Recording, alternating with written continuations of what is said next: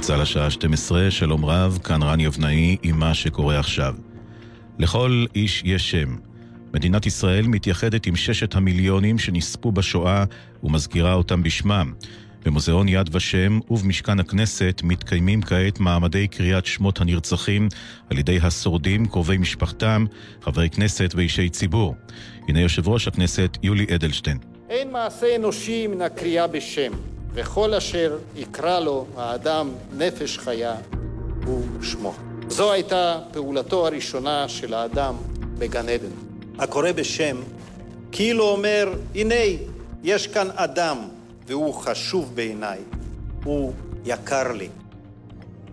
ובמהלך הטקס יצא מהאולם השר אופיר אקוניס, כשחברת הכנסת מרב מיכאלי, המלווה באימה, עלתה להדליק משואה לזכר סבה, דוקטור ישראל קסטנר, שנטען לגביו כי שיתף פעולה עם הנאצים, על אף שבהמשך נוקה שמו.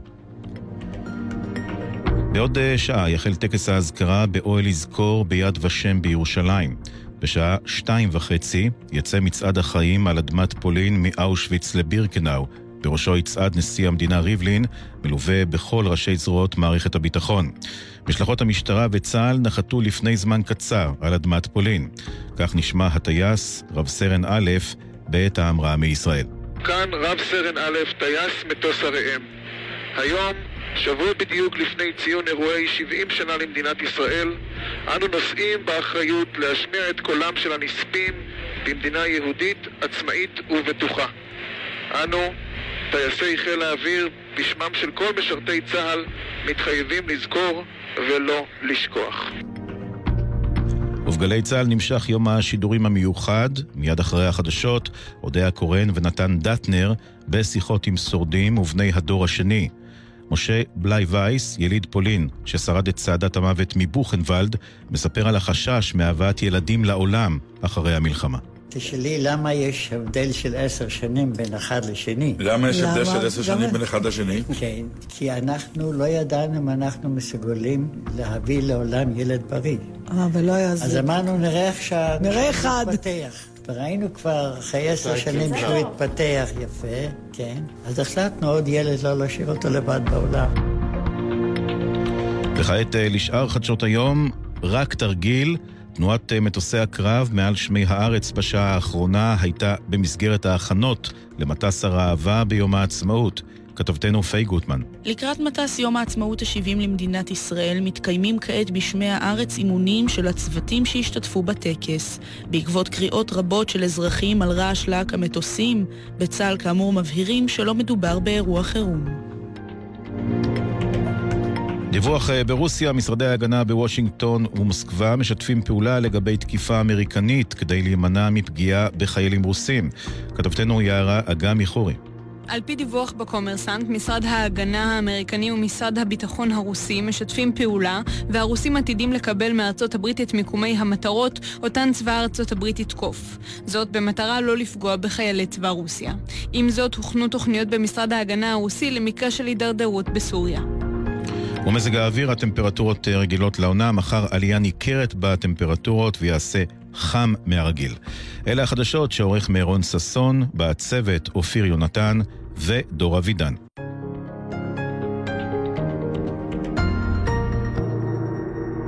יום הזיכרון לשואה ולגבורה, תשע"ח. עכשיו בגלי צה"ל, אודה הקורן ונתן דטנר.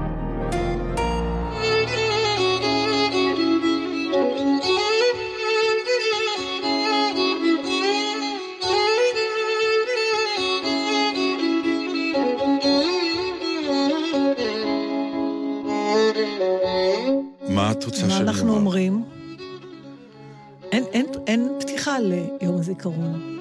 לא, כי הוא לא נפתח הוא לא חג שמח, והוא לא שלום, והוא לא... כל שנה אנחנו באים לפה. בגלל דטנר יוסף וקלרה ציפורה דטנר לבית פרידמן, הוריי זיכרונם לברכה, שהיו ניצולי שואה. ובגלל דוב קורצ'ינסקי, זיכרונו לברכה, שהיה כמעט היחיד מהמשפחה שלו ששרד, ופולה קורן, שתיבדל לחיים ארוכים, או לא, תלוי את מי שואלים. Mm. אה, וכן. חתיכת. תפקיד מצאנו לנו. זה כבר לא כל כך תפקיד, כמו סוג של uh, הרגשת ייעוד מסוימת שאומרת... Uh, ייעוד אתה קורא לזה? Uh, כן, כי אנחנו uh, יועדנו.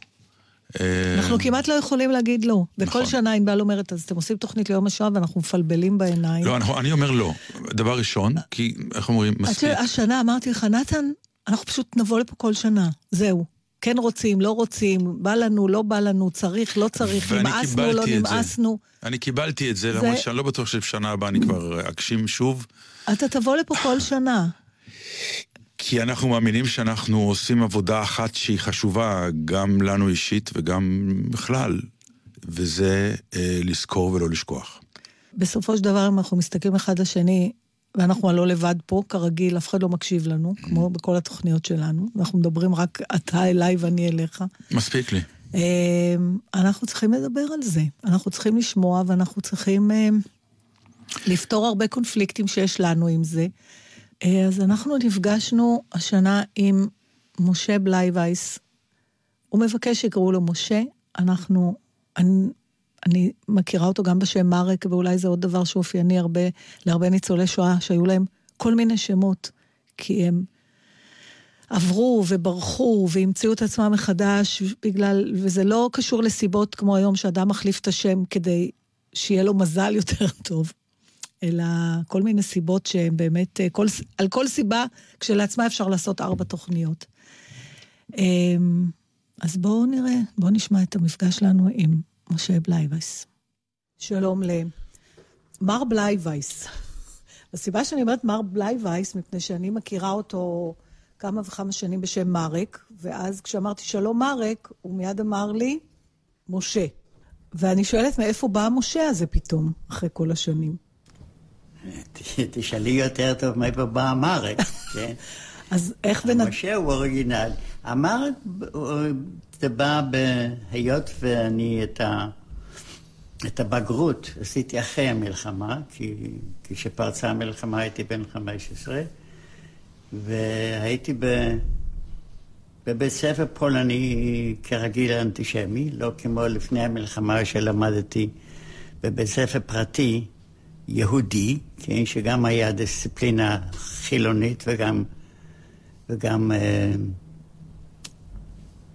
נו, דיסציפלינה... דתית. דתית, כן. אז uh, הייתי צריך להחליף את השם, כי מוישה זה לא שם ש... שגורם לסימפתיה אצל הפולנים, כן? אחרי המלחמה. אחרי המלחמה. גם אחרי המלחמה לא הייתה סימפתיה כן, לשם? תראי, זה היה בית ספר למבוגרים, ורובם היו קצינים שקיבלו את הקצונה בזמן המלחמה, אבל התנאי היה שהם יצטרכו אחר כך לעשות בגרות. אז, הם, אז זה לא היה של צעירים, זה כולם היו בערך בגילי. אני הייתי כבר בן 21, כן? אז אתה הלכת וזה, ואז הבנת שלא כדאי שתציג את עצמך בשם משה בלייווייס? ואז... לא, בלייווייס היה בסדר. עוד אפשר כן. להגיד שכן. כן, אבל uh, היה, הייתי מריאן, ואחר כך זה הפך למרק יותר אינטימי, כן?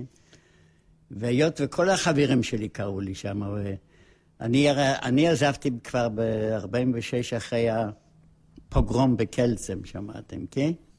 דם, דם למצות, כאן מישהו הפיץ, כן? והתנפלו, היה שם קיבוץ של צעירים שהיו צריכים לעלות ארצה, כן. והתנפלו עליהם בכל מיני ברזלים, כן, הרגו, ממש רצחו בידיים 40 איש. וזה היה אחרי המלחמה כבר. כן. שנה אחרי המלחמה, וזה, אה, ואז אני הייתי, בדיוק הייתי צריך ללכת ל, ללמוד ב, באוניברסיטה. אתה רצית כן. להישאר בפולין אחרי המלחמה? כן, אני אגיד לכם למה. כי התנאים היו נהדרים. הכל בחינם. כשהמלחמה פרצה בעצם, איפה אתה היית? היית בן 15? אה, בן 15. כן. איפה? איפה גרת? בלודג'. בלודג', נכון, ונינזרר. כן.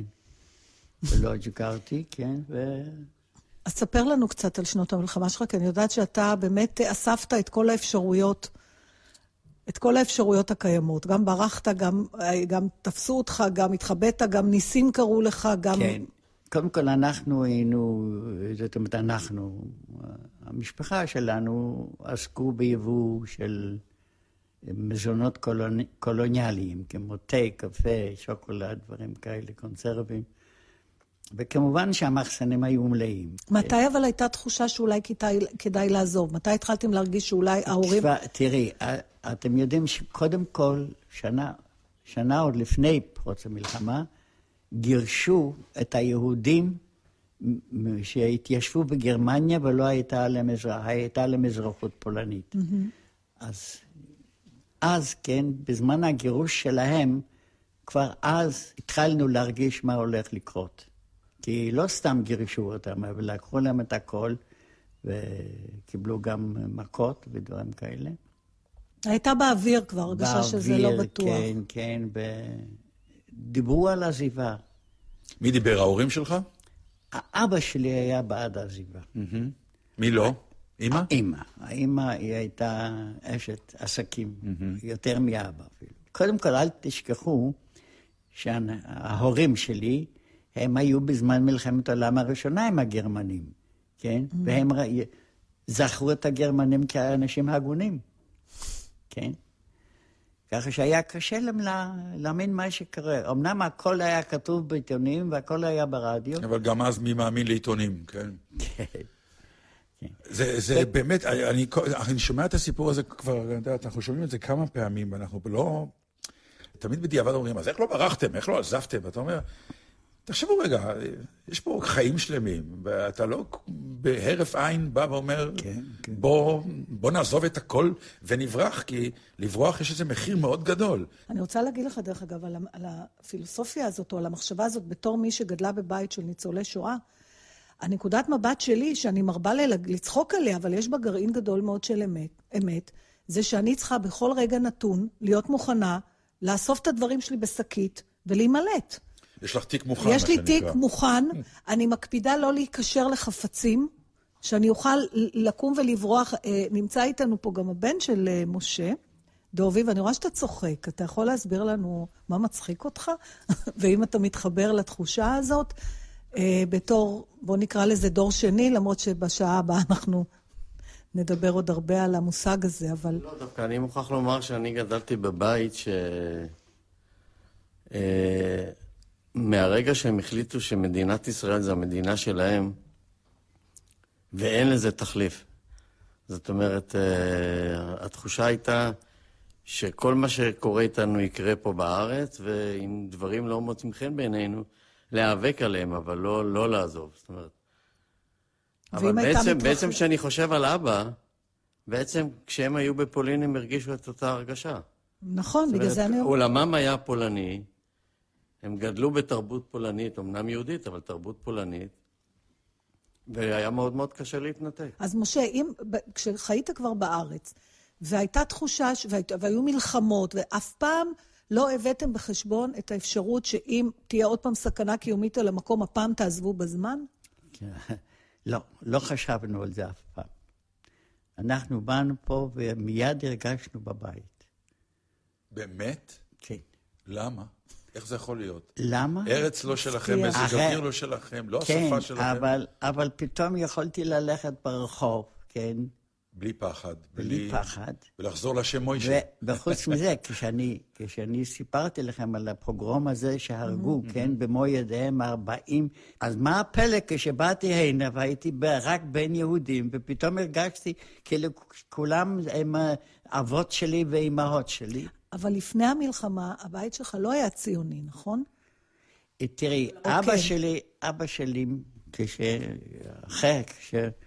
כשנסגרנו כבר בגטו, ולאבא כבר לא היה כל כך אסור בעסק, אז מצאנו אצלו מחפרות שהוא כתב כשהיה נער, יותר מבוגר נניח, בגיל חמש, שש עשרה, שהוא כתב שירים ש... שירים, והיו לו העתקים שירים של ביאליק וצ'רניחובסקי, כן? Mm-hmm. זאת אומרת, הוא היה כן לנטייה לציון, ודרך אגב, הוא חשב לבוא לארץ ולקנות לקנות איזה נכס. Mm. אבל שוב פעם האמא אמרה, מה, אי, אנחנו אי פעם ניסע לישראל שם עם ערבים? אז זהו, זה מי שקבע בבית, זו הייתה אימא. ואז פורצת המלחמה, ומה קורה? ואז פורצת המלחמה, והכל... אני רוצה לומר לכם, היה משהו מוזר.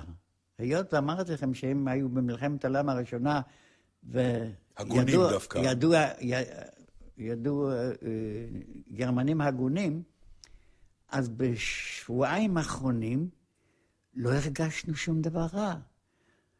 הם שמעו על הסדר, נ, נ, את יודעת, הסדר הגרמני. אתה מדבר כן? מהראשון לספטמבר, שכבשו את פולין, כן, עד בערך חמש... כן, השבועיים הראשונים לפני שהגסטאפו נכנס. אתה אומר כן? היה נחמד. היה ממש, לא רק זה, הגרמנים... סוף סוף הכניסו סדר לפולניה. זה עוד לא כן. שמענו. כן, כן, כן. בא קצין אחד, כן, להחרים סחורות מסוימות שהיו לנו. אז הוא נתן לנו קבלה, לא רק זה קבלה, הוא פתח לנו חשבון עם הסכום כסף, שכנראה הם, הם, אמנם אחר כך המרקים האלה לא היו שווים שום דבר, כן? אבל הוא העריך את הסחורה והעביר את הכסף לחשבון שלנו בגרמניה, שהוא פתח. אז לא הרגשתם מאוימים עד לא, שנכנס הגסטאפו. שבועיים הראשונים לא. פתאום, כן, יום ראשון אחד, אחרי שבועיים, התחילו הדברים האיומים ביותר. קודם כל היו עוצרים יהודים, בלודג' אפשר לומר ש-90 אחוז היו אנשים דתיים, כן? ו-70 אחוז היו חרדים. היו עוצרים את החרדים, כן? מורידים להם חצי זקן ופאה אחת. מגחיכים כן? אותם. מכריחים אותם, מרביצים אותם, והם חיילי הגסטאפו, הבודדים, אבל מי שהצטרף אליהם בחדווה זה היו הפולנים. זהו. אחד, כן, תיזהר כן. שלא יעצרו אותך למשפט הזה.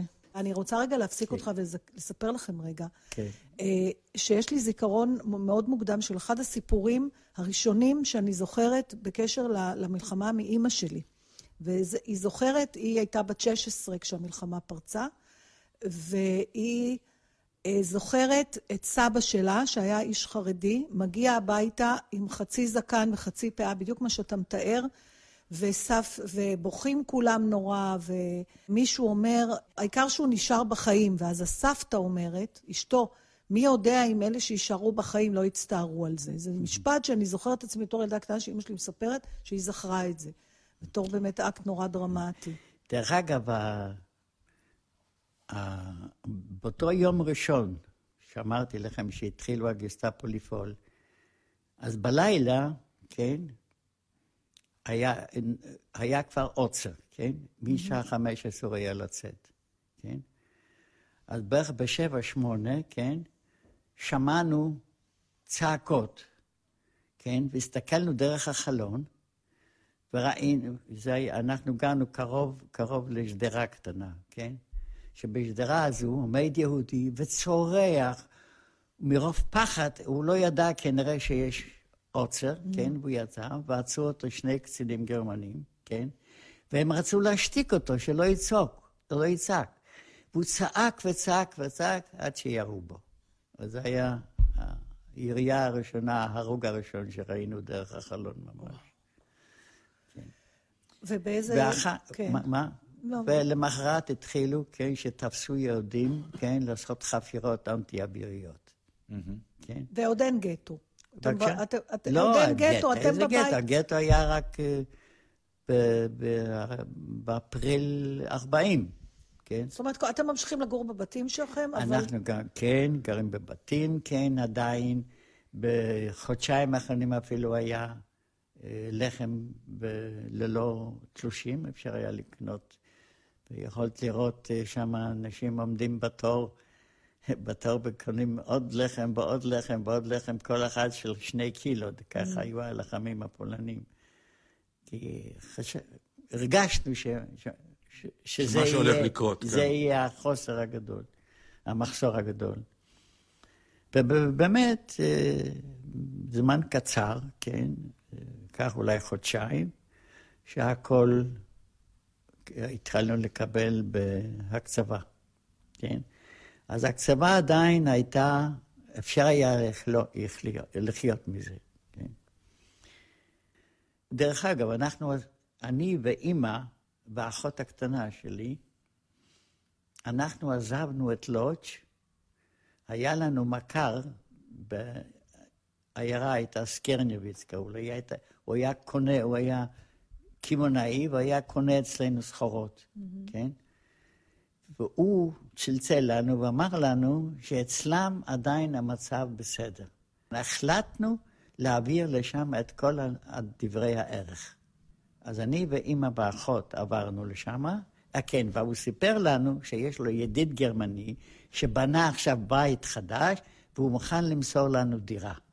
ועברנו לשם, זה היה חורף, ינואר, והעברנו את כל הפרוות, הקריסטלים, ואני יודע, כל מה, דברי ערך, כן? Mm-hmm. עשינו ארגז גדול, ועברנו את זה במשאית לשמה, והגרמני הזה, עד כדי כך הוא היה טוב, הוא אמר, תראה, יותר טוב שאני אשמור לכם על הארגז הזה, כן? ומסרנו לו את הארגז.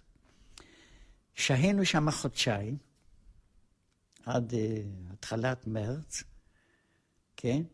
ואז הודיעו על סגירת הגטו, שבראשון לאפריל הגטו ייסגר. ואז החלטנו לחזור. אנחנו נשב פה והם שם סגורים.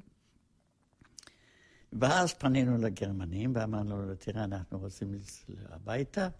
אמר, בסדר גמור, אנחנו מבקשים לבק... את הארגז שלו. הוא נתן לנו את הארגז, ואנחנו שמנו אותו על, ה... על המשאית, והגענו הביתה. פתחנו את הארון, היה לנו זכוכות שבורים וסמרטוטים בפנים, כן. אה. זה היה הגרמני הטוב הזה. כן, נו, מה חשבתם? אתה יודע מה אני פתאום חושבת? סליחה, משה, שאני מפסיקה אותך רגע. אתה יודע, תמיד אנחנו uh, רגילים בהקשר של השואה, אוקיי? זו המילה הגדולה הזאת, כן. ואנחנו ישר תמיד באסוציאציה הולכים למחנות השמדה ולששת המיליונים ולרשעות ול, הבלתי נסבלת וזה, ופתאום אני מקשיבה לך, משה, ואנחנו עוד לא הגענו לחלקים הקשים שלך במלחמה, כן. אבל כל, אתה יודע, הכל היה רצף של החלטות. הלוא זה לא בבת אחת התעוררת בראשון לספטמבר 39' ומצאת את עצמך באושוויץ. Mm. קדמו לזה, קדמה לזה מערכת שלמה של החלטות קטנות של יום-יום, כן. כן. שאנחנו בכלל לא רגילים לחשוב עליה ולא mm. עושים אותה. והיום אני, עכשיו אני מקשיבה לסיפור שלך, ואני כל הזמן אומרת, אבל אם כבר אז הם לא היו נותנים לגרמני את הארגז, או אם הם לא... זאת אומרת, האוסף הזה, וזה שחזרתם חזרה, בא לי לצעוק כמו בסרט, לא, לא, לא, אל תחזרו, אל תחזרו, כי יהיה ככה וככה. קודם כל, אנחנו לא יצאנו. אתם לא יצאתם? לא, אנחנו גרנו... אה, בגטו. בגבול של הגטו. היה לכם מזל, קוראים לזה. כן, כן אבל הכניסו... גם בגטו צריך מזל. נשארנו בדירה שלנו. קודם כל ככה. וצרפו לכם עוד אנשים? הפרוצדורה הייתה, משפחה קטנה מקבלת אה, חצי חדר, ומשפחה יותר גדולה חדר שלם. ואתם עדיין כולכם ביחד. ואנחנו ביחד, אבל הוסיפו לנו משפחה, הורים וזוג נשוי. ואתם, את, אבא, אימא, כמה ילדים? אתה, אחותך שהזכרת? אני, אחי ואחותי, כן, באה משרתת, שדרך אגב היא לא רצתה, היא הייתה מעיירה קטנה, היא חשבה שבלודג' יותר טוב להישאר. היא הייתה כן? יהודייה. יהודייה. כן. מה אתם מבינים בשלב הזה? אנחנו מבינים, כן, שאנחנו נכנסנו לגטו, כן? ואם היית שומעת, כן, את ה-BBC, כן, כן, אז היית אומרת, לא נורא, עוד כמה חודשים המלחמה נגמרת. כך, אז נחיה עם המשפחה הזאת קצת, מה שנקרא. ה-BBC הייתה היחידה ששידרה בשפה הפולנית. זו הייתה גם הסיבה שלא מספיק יהודים עזבו את, ל, לרוסיה. כי הם נרגעו מהחדשות. נרגעו מהחדשות האלה, ואחר כך היה כבר מאוחר מדי. ומה, בעצם מה הייתם עושים כל היום? הלא, ב, לא הלכתם יותר, ההורים לא לעסוק. למה? קודם כל, בגטו כל אחד היה חייב לעבוד. מה זאת אומרת, אלטסטר דיון, כן? זה ראש היהודים, כן? Mm. ש... שמונה על ידי הגרמנים, כן, רומקובסקי קראו לו, כן? אז מיד פתח היהודים. מפעלים, כן. קראו לו מלך ש... היהודים. כן. ב... פתח מפעלים, כן, בעזרת הגרמנים, והיו עובדים מייצרים מוצרים שונים בשביל הצבא הגרמני. אז בשלב הזה הסכנה היחידה בעצם הייתה רעב, נכון? כן. בשנה הראשונה היה רעב ועבודה קשה. אתה ילד אז בן? אני אז בן 15. בן 15. מה, מה קורה לילד בן 15 בתוך כל הכאוס הזה? קודם כל התחלתי לעבוד, כן? אה, לקחו אותי לעבוד בבית חרושת למתכת, כן? התגעגעת לבית ספר? בבקשה, איזה בית ספר? התגעגעת אבל? לבית ספר? כן. לומר את האמת, לא. להגיד לכם למה. לא. כי אני למדתי משבע וחצי בבוקר עד שבע וחצי בערב. אתה צודק, זה יותר גרוע משואה, כן, ממש. אני חייב להבין, אבל אה, בני 15, חברים קצת, שכונה, כן, לא יודע, כן. כלומר, יש איזה נעורים, אה, כן, היה לנו... ומה זה אומר היה? מה היה? אה, תראה, אחרי שגמרת לעבוד. הנוער תמיד מוצא את החיים שלו. מה מצאתם? כן. היינו מתאספים, כן? גם בנות? היה, הייתה לנו חברה אחת, כן, זו החברה האישית שלי הייתה, כן. כן? והיה לנו קבוצה שהיות ואבא שלה היה שוטר, אז לא הוסיפו להם לדירה דיירים, אז באנו שמה... היחס. אז אתם באתם לעשות להם את הרעש. באנו לרקוד שם בערבים, היינו רוקדים. רקדתם? כן, רקדנו, כן. אז טוב שלקחו גם תקליטים, מי שרץ מהר, כן, שעזב את הבית. היו שניים. קח את התמונה, נתן. אני לוקח, אני מנסה. מצד אחד, עגלה עם סוסים, עם גופות של אנשים שמתו מרעב. במקביל, או חולפים על פניהם בני 15, כן. שהולכים לבית של החברה ורוקדים. גם זה לא, לא החזיק הרבה זמן מעמד, כי הרעב התחיל מאוד מאוד להציק. העבודה הייתה קשה, עבדו. אני למשל, עברתי מבית חרושת, העבירו אותי אחר כך לנפחייה, כן? ועבדתי בהתחלה עם, עם uh, פטיש של ארבע קילו, כן? אחר כך נעשיתי עם, מדריך, כן? אז כבר עבדתי פחות קשה, אבל התנאים היו קשים מאוד. גם רעב וגם עבודה קשה. הרעב הזה, שאנחנו כן. מדברים עליו הרבה, כן. אם אנחנו מנסים, נתן ואני, לעשות כל שנה, בשנים האחרונות, תוכנית ליום השואה, ולדבר כן, כן. בצורה זו או אחרת מכל מיני היבטים על הנושא. ואחד הנושאים שחוזר כל הזמן זה הרעב הזה, שכמו שאמא שלי הייתה אומרת, את לא יודעת מה זה להיות רעבה. זה לא רעב שאף אחד מאיתנו מכיר בעולם המערבי. לא. ואתה זוכר שדיברנו עם ראול טייטלבאום, שאמר שזה דבר שלא עבר לו עד היום. זאת אומרת, הוא, הרעב זה התחושה, הוא זוכר את זה עד היום. ויש, נהיה איזה יחס אחר לאוכל. זה גם אותך מלווה עד היום? אז אני רוצה לומר לך, אצלי, אתם יכולים לשאול את הפיליפינית תח... שלי. כן. אצלי לא צורקים שום אוכל. אין דבר כזה לאכול. ואם הלחם כבר ירוק? אם הלחם, לא, ירוק לא, אבל אם הוא יר, יבש לגמרי, אתה עושה טוסט. עושים טוסט ואוכלים, למה? כן. למה? וגם טוסט לא עוזר, אז כי למה? מרטיבים את זה. מרטיבים את זה. כי למה? אני לא יכול לאכול, כי הלחם... זה החיים. לא רק, החיים תמיד מזכיר לי את זה, כן? שזה היה מה שחסר, איך אני יכול לזרוק את זה? אבל אנחנו כן. כבר הרבה הרבה שנים אחרי זה. זה אכלת לא משנה. הרבה כיכרות לחם. אתה אומר, תראה, החודשים האחרונים, הראשונים אחרי המלחמה, אתם יכולים לשאול את הבן, כן? דובי, תרגיש שלי... חופשי. מעניין גם מה אתה יודע. רגע, מה, מה? כן, הלילות שלי, החלומות עם, ה... עם הצרחות עד לב השמיים, שבאים להרוג אותי שוב, כן? אני עדיין מדבר על הגטו, עוד לא מדבר על המחנות, כן? מתי אתה נפרד מההורים? שוב, אני אומר לך, אבא היה מאוד יצירתי, הוא מצא דרכים שונות ומשונות, כן, להוסיף לנו איזה חתיכת לחם. כן? קודם כל, לקחו אותו, אני מוכרח לספר לכם את, ה, את העיקר, כן? Mm-hmm. בגטו היה קרימינל פוליצאי. ומה שהם עשו, הם אספו, כן, ידע מידי מלשינים יהודים תמורת... תמורת...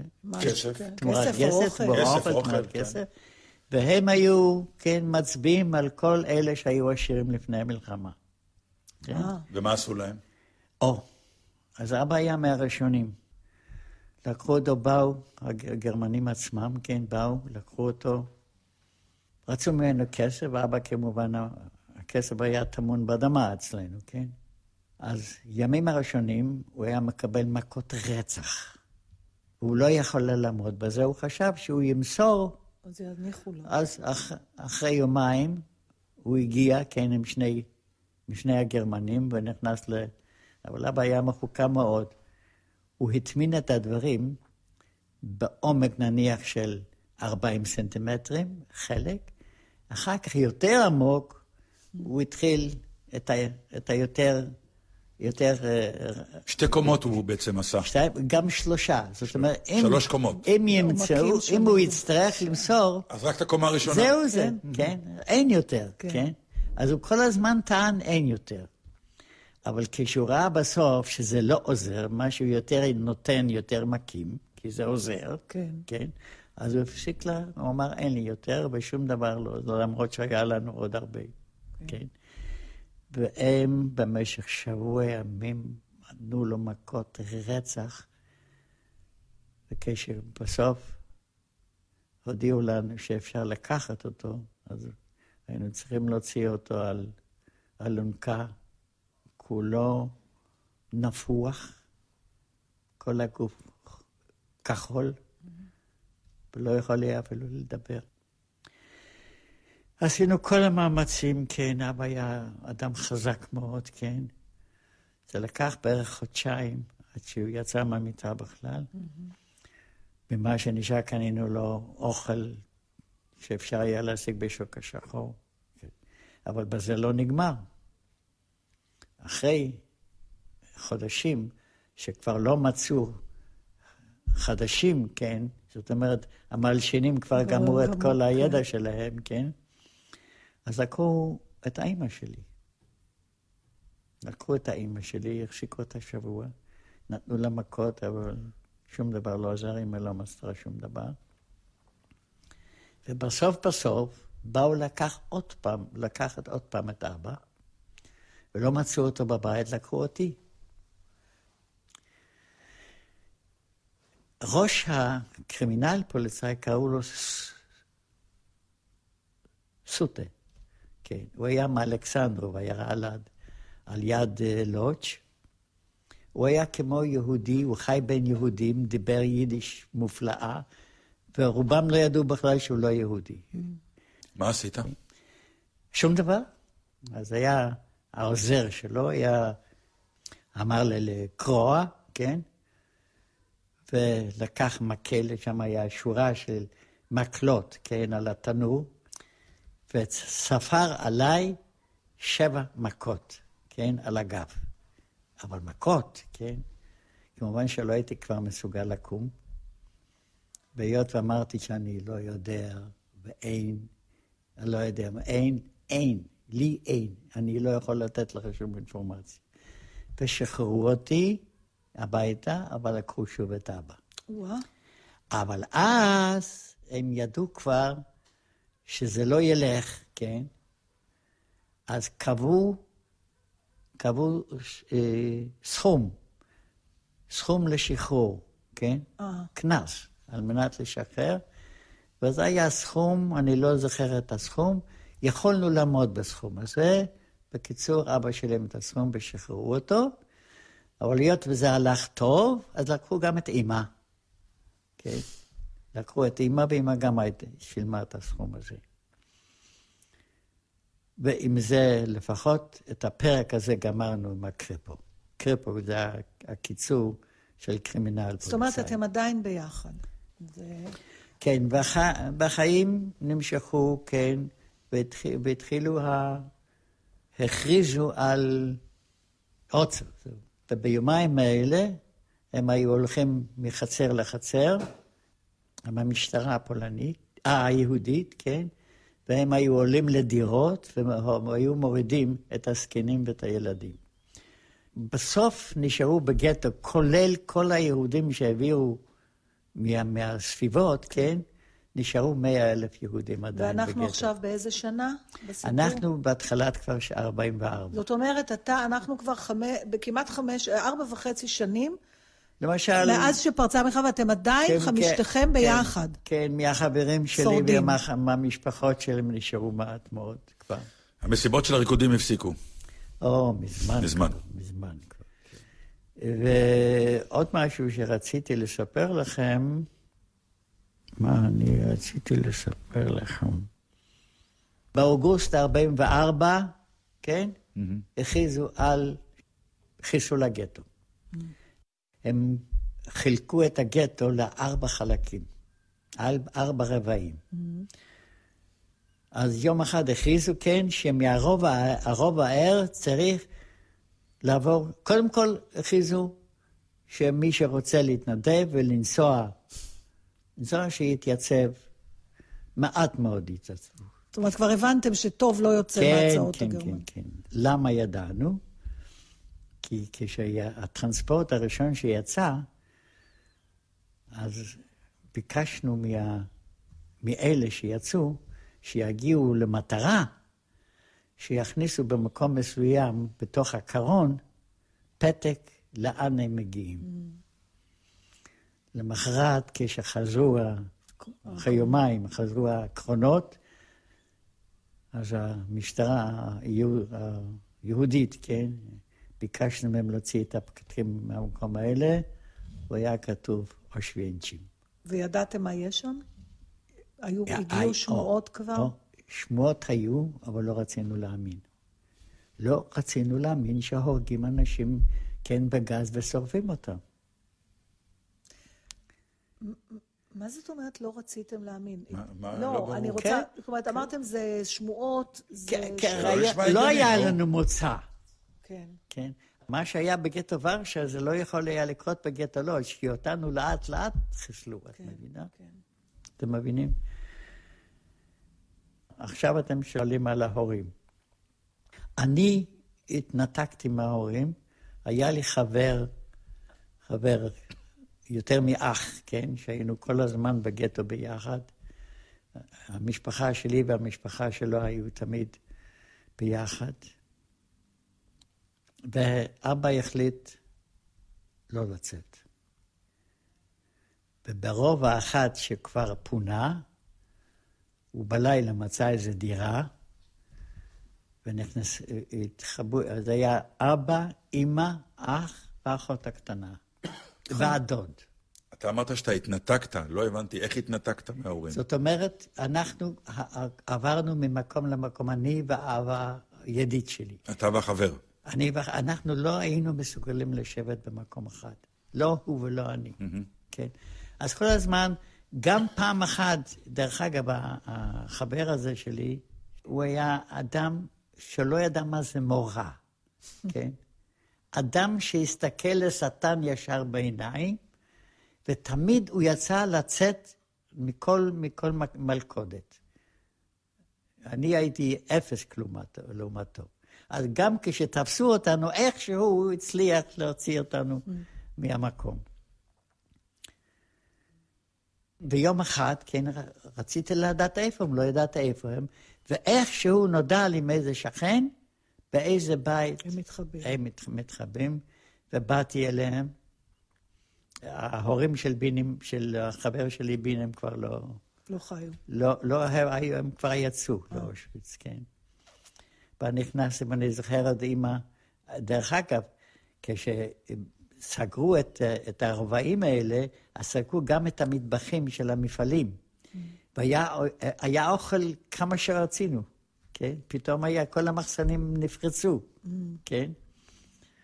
אז אימא עוד, עוד הכינה לנו ארוחה טובה, כן? ואכלנו, ועזבנו.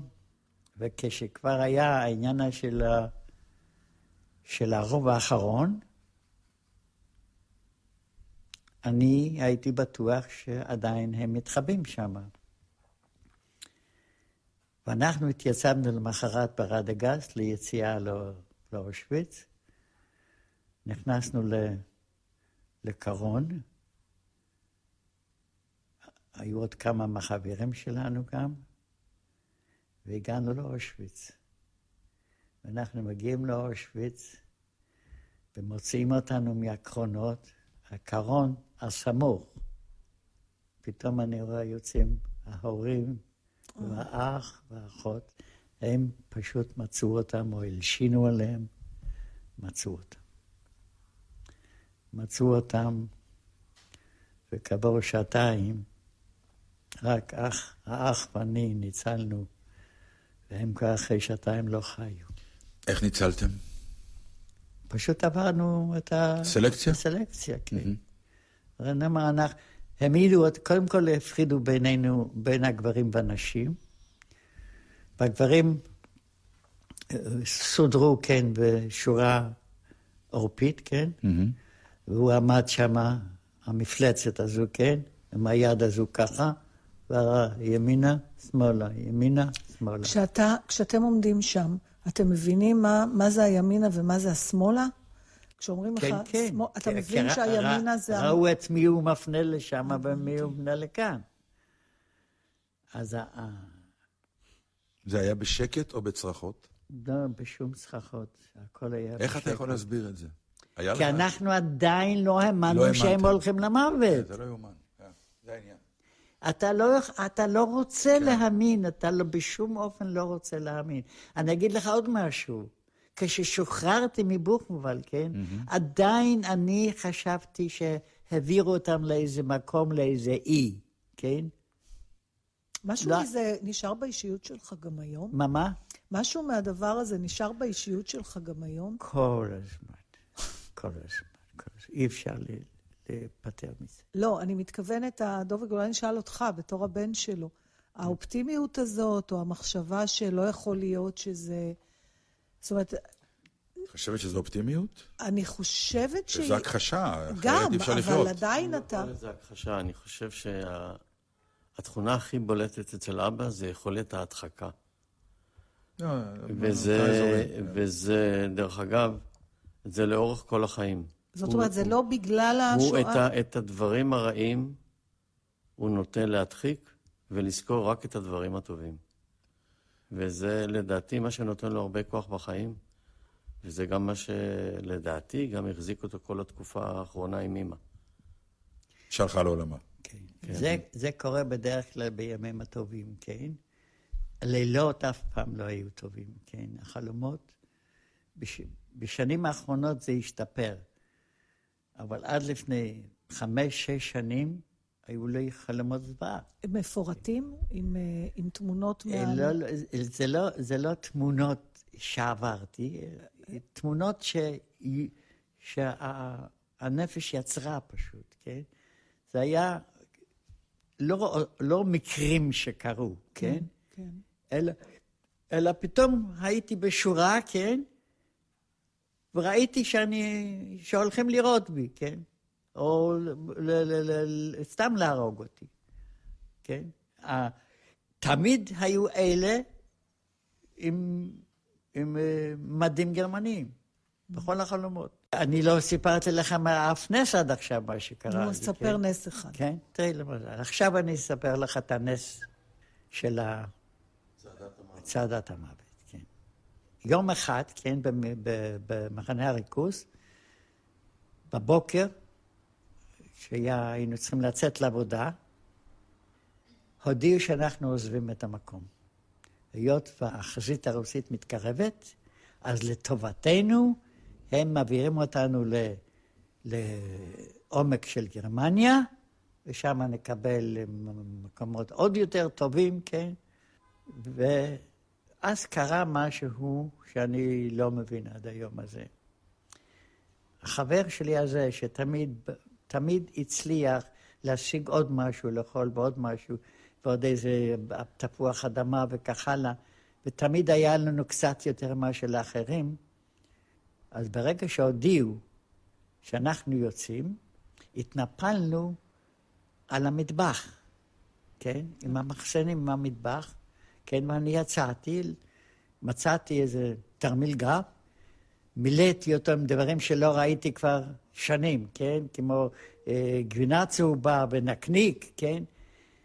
ואני חוזר עם, הצ... עם השק הזה מלא, כן, לצריף, ואני בטוח שהחבר שלי עושה אותו דבר. פתאום הצריף ריק, והוא יושב על המיטה העליונה, שהוא ישן שם, כאילו משותק. יושב עם הרגליים למטה, כן, ואני שואל אותו, פינה, מה קרה לך? הוא אומר, מרק, אני לא יודע מה, אני לא מסוגל לזוז. משהו ש... בקיצור, הוא אמר, תעשה מה שאתה יכול, כי אני לא יכול שום דבר. אז כמובן הלכתי עוד פעם ועוד פעם, ואספתי אוכל מספיק, ויצאנו בבוקר, ויצאנו. איכשהו בהתחלה עוד הלך, היה לנו עוד חבר שלא כל כך קרוב, כן? ושנינו החזקנו אותו משני הצדדים והלכנו. יום הראשון של, ה... של המ... מצד המוות הזה היה יום יפהפה. יפהפה, והלכנו, כולם, קודם כל, כולם, כולם אכלו טוב לפני שיצאנו. אז הרגשתם כמו טיול שנתי קצת? כן, כמו טיול שנתי. כן, אמנם הלכנו אה, כמעט 30 קילומטר, אבל אכלנו בדרך, והיה שם. שרנו, וכן. כן, אבל הוא לא שר. לא, כמובן. והוא בינים נשאר, כן, עם, ה, עם המצב שלו, לא הוציא מילה מהפה. ככה זה היה ביום הראשון, וביום השני, וביום השלישי היה יום כבר לא יפה, היה גשם גם. ובלילה, לפנות בוקר, ככה בארבע, הוא מעיר אותי. הוא אומר, מרק, אני לא מסוגל ללכת יותר. כי בדרך, איך שנפ... אה, אה, כבר נפלו אנשים בדרך, כן? וכל האלה שנפלו, כן, היו יורים בהם ומשאירים אותם בתעלות. כי אוכל לא קיבלנו בכלל. ביום הרביעי, היינו כבר ביום הרביעי בלי אוכל. בכלל, רק שתייה נתנו לנו בבוקר, מים חמים, זה הכל. בקיצור, הוא, ואז החבר השני הזה שהלך איתנו גם כן, הוא גם אומר, אני גם לא יכול יותר ללכת כי הרגליים שלי התנפחו. גם לו לא וגם לא התנפחו הרגליים, לא היו מסוגלים ללכת. אז, ואנחנו לנו בתוך אסם גדול, ובקצה האסם היה קובייה ענקית מקיר לקיר של, של קש, כן. אז התחלנו להתח... להתחפר בתוך הקש, כן. אני חיפרתי אותם עמוק יותר, ואני ברגע האחרון לא הספקתי הרבה ל... לכסות את עצמי. פתאום נכנסו אנשי אס-אס, אלה ש... ש... שליוו את ליוו אותנו בדרך, עשו כזה פרוזדור, עם הרובים עם הכתות למעלה, ויצאו שניים הראשונים שמצאו, כן? עברו, קיבלו מכות, מכות מהקטים, ושמעתי, הוציאו אחד, שמעתי ירייה, רק הוציאו שני ירייה. מתוך הקש הם חיפשו את כל מי שהתחבא. כן, כמה כן. התחבאתם בסך? או, זהו, זה שהתחבאו עוד שמונה, כי שראו... כשהוא בינם עושה את זה, זאת אומרת שזה טוב. אז כולם באו כן. גם כן. אז עוד שמונה באו, כן. ועל 11 לא יכלו לוותר. כן, ואני הייתי השלישי, וקפצתי מלמעלה, ועברתי בריצה את הפרוזדור הזה. ביציאה עמד שם הקצין, נתן לי בוכטה לתוך הזה, לתוך הבטן, ונפלתי. אבל מהר קמתי, ופתאום איזה שקט עבר עליי, והתחלתי ללכת בכיוון השורות שכבר עמדו לצאת. נכנסתי לתוך השורות. ואף אחד לא ירה? ואף אחד לא עצר אותי. היריות היו מאחוריה, מאחורי הצריף. אז אני לא יודע, אני יכול לומר ש... אבל הוא ראה הקצין שאני הולך לכיוון כן. הזה, כן? ונכנסתי לתוך זה. בקיצור, מצאו את כולם וירו בכולם. גם בחבר שלך? גם בחבר. כבר נקשרתי אליו. רגע, רגע, החבר שלי והחבר השני היו, היו חפורים עמוק, אז הם לא מצאו אותם, ויצאנו ואני הייתי מאוכשר, הנה, אולי הם ינצלו. הלכנו, הלכנו איזה קילומטר, שניים, ופתאום בא שוטר מקומי, כן, על אופנוע, כי הם השאירו להם פקודה למשטרה המקומית שחסרים עוד שניים שצריך mm. לחפש. כן, והוא בא ואמר שהוא מצא אותם, אז הוא לקח אחד מה, אססמנים, כן, על האופנוע, הביא אותו לשם ואחר כך החזיר אותו. ואני ניגשתי אליו. הוא היה בן 18 אולי, ילד, כן? ושאלתי אותו, מה קרה? אז הוא אמר שהוא ירה בהם. ופתאום הוא אומר לי, אם אתה חושב שאנחנו לא ראינו שאתה נכנסת לתוך השורה, אתה טועה. אנחנו ראינו, אני והחבר שלי, החלטנו לא להגיד שום דבר. למה? תראה, הם היו ילדים בני 18, כן. עדיין לא היו רוצחים כאלה. כן. כן. דובי, אתה, ראו... אתה מכיר את הסיפור הזה, אני רואה. אתה יודע להגיד בין כמה היית כששמעת אותו פעם ראשונה? את הסיפור הזה? רק שאבא כתב את הספר. ו- ומה... אני הכרחתי את אבא לכתוב ספר. בבית לא דיברו? לא, לא, לא, לא סיפרו שום דבר על מה שקרה במלחמה. הפעם היחידה שהם התחילו לספר לנו קצת יותר בפרוטרוט, זה היה מסע שעשינו עם הטלוויזיה הגרמנית ללודג'. ששיפרת קודם. בשנת 1995. שש. ואז אה, פעם ראשונה שהתוודענו גם אל העבר וגם אל, ה... אל מה ש... למה הם לא ידעו בתור ילדים, משה? בבקשה? למה הילדים לא ידעו כבר...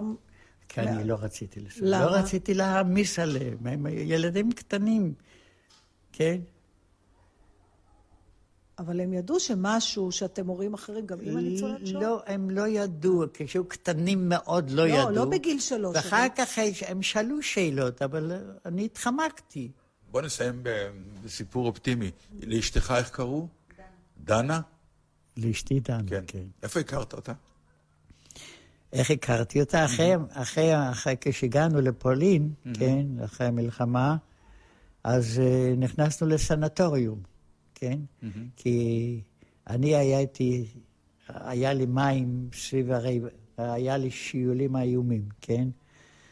ומצאו שזה מלא מים. הריאות מלאות מים? הריאות, הרי, רק הריאה השמאלית, כן, כן, והיה לי 40 חום או משהו כזה. ואז הכרתי שם את אשתי. לא, אני יודע מה הסיפור. הסיפור הוא שבעצם אבא שלי, כשהוא הגיע לסנטוריום, הוא בעצם הלך בשביל לפגוש את, ה... את החברה שלו, הייתה לו חברה עוד מלפני המלחמה, שקראו לה לאלה. רגע, רגע, רגע, רגע, אבל היית איש מחסידי גור, לא? בתור... אבא היה כנראה ילד די שובב. הוא היה ילד די שובב. הוא רקד בגטו, אז מה זה בשבילו שתי חברות? אבא שלך ידע שאתה ככה הולל? בימים הטובים? אני אגיד לך, בגטו גם אבא שלי כבר לא התפלל. אז הייתה לאלה. ואז מסתבר שלאללה יש כבר חבר. זה שאמרתי לך שאבא שלה היה שוטר. שוטר, שהם נשארו לבד בבית. שאצלה היו המשפיעות חשק. דובי, היה הבדל מהעיניים שלכם כילדים בין הניצולות של אבא ושל אימא? נגיד, אתה יכול להגיד שהיה הבדל ב...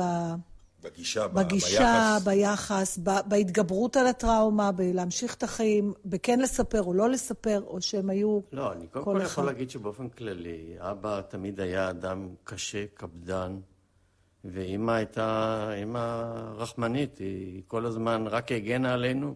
אני מניח שגם הנושא של אה, אוכל היה אצלם תמיד אישו בגלל זה. מאוד, אה, מאוד, מאוד חשוב בחיים. לפחות אני, כשאני, אחי נולד, אני הייתי כבר בן עשר. תשאלי, כן. למה יש הבדל של עשר שנים בין אחד לשני? למה יש הבדל של עשר שנים בין אחד לשני? כן, כי, כי אנחנו לא ידענו אם אנחנו מסוגלים להביא לעולם ילד בריא. היא הייתה אחרי שחפת, ואני אחרי הפלאוריטיס הזה, כן? אה, ולא היה זה. אז אמרנו, נראה איך שהראשון מתפתח. וראינו כבר אחרי עשר שנים שהוא התפתח יפה, כן? אז החלטנו עוד ילד לא להשאיר אותו לבד בעולם.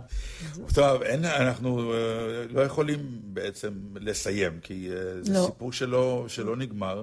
ועוד לא שמענו כלום. תראי, כן, לא, תראי, יש לי המון סיפורים. כן, אנחנו... אתם יכולים לשבת פה שמונה שעות לפחות. כן, אבל אנחנו רק שעה אחת כאן. זה תמיד התסכול שלנו בכל יום שואה, אבל אולי אנחנו לא צריכים להרגיש תסכול, ואולי הפרטים עצמם... אה, אני לא יכולה להגיד שהם לא משנים, למרות שיש משהו, ואני זוכרת את התחושה שלי כשראיתי את הסרט שואה של קלוד לנצמן.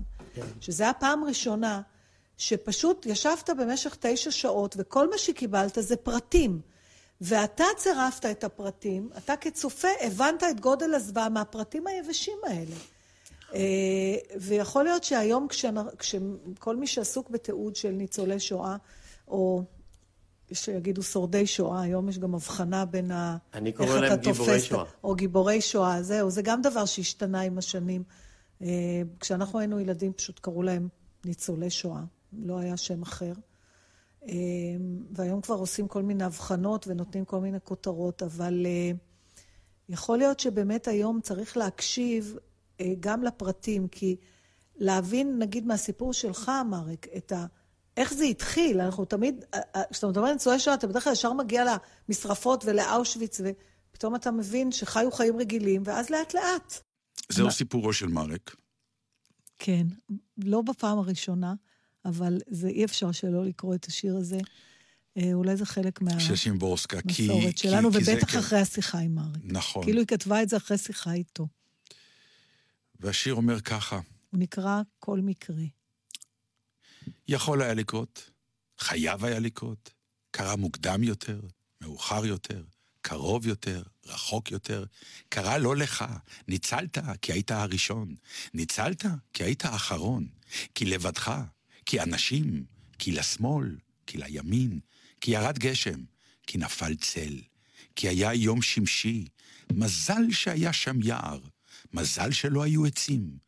מזל שמסילה, ו', קורה, בלם, מסגרת, סיבוב, מילימטר, שנייה, מזל שקש צף על המים, בגלל, מאחר ש, ובכל זאת, אף על פי כן, מה היה לו, יד, רגל, בצעד אחד, כחוט השערה, מצירוף המקרים, ובכל הנחה, הישר מן הרגע שעודו פעור, ברשת היה חור אחד, ואתה דרכו אינני חדלה להשתאות, להיעלם. הקשב, כמה מהר פועם בי לבך. כל מקרה של ויסלבה שימבורסקה, בתרגומו של רפי וייכרט. השתמע בשעה השנייה.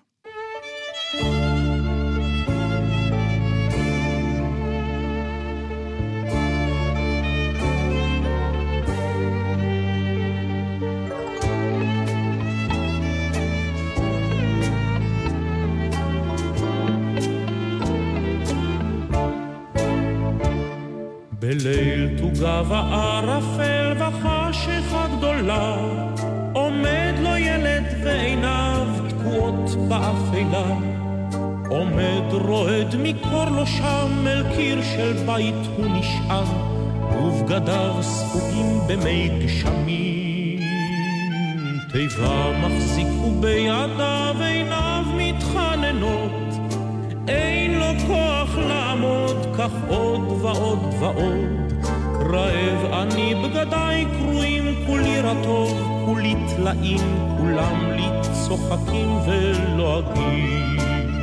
אוי קנו נא קנו ממני כאן סיגריות, טובות ויבשות הן הסיגריות. תנו סיגריות, תנו מעות, להתחנן איני יכול... אתם מאזינים לגלי צה"ל. שמי שרה לייכט, נולדתי ברומניה בשנת 1929. שנים לא סיפרתי את קורותיי בתקופת השואה, עד שבאו אליי מיד ושם. השנה, כשישבתי עם משפחתי סביב שולחן החג, חשתי הקלה גדולה. כעת הסיפור שלי מונצח, למען הדורות הבאים. לתיאום צילום עדות בבית הניצול, התקשרו ליד ושם, 02-644-3888 יום הזיכרון לשואה ולגבורה בגלי צה"ל. בארבע אחרי הצהריים, ירון וילנסקי ויעקב ברדוגו בשידור מיוחד עם דיווחים ממצעד החיים. בשש, נשואים לשואה, תוכנית תעודה על זוגיות עם שורדי שואה. בשבע, יורם רותם משוחח עם ורה קריגל גרוסמן מניצולי מנגלה. ובתשע, שמעון אלקבץ, בתוכנית מיוחדת על מסעות הנוער לפולין. היום, יום הזיכרון לשואה ולגבורה בגלי צה"ל. יום הזיכרון לשואה ולגבורה, תשע"ח, מיד אחרי החדשות. אודה הקורן ונתן דטנר.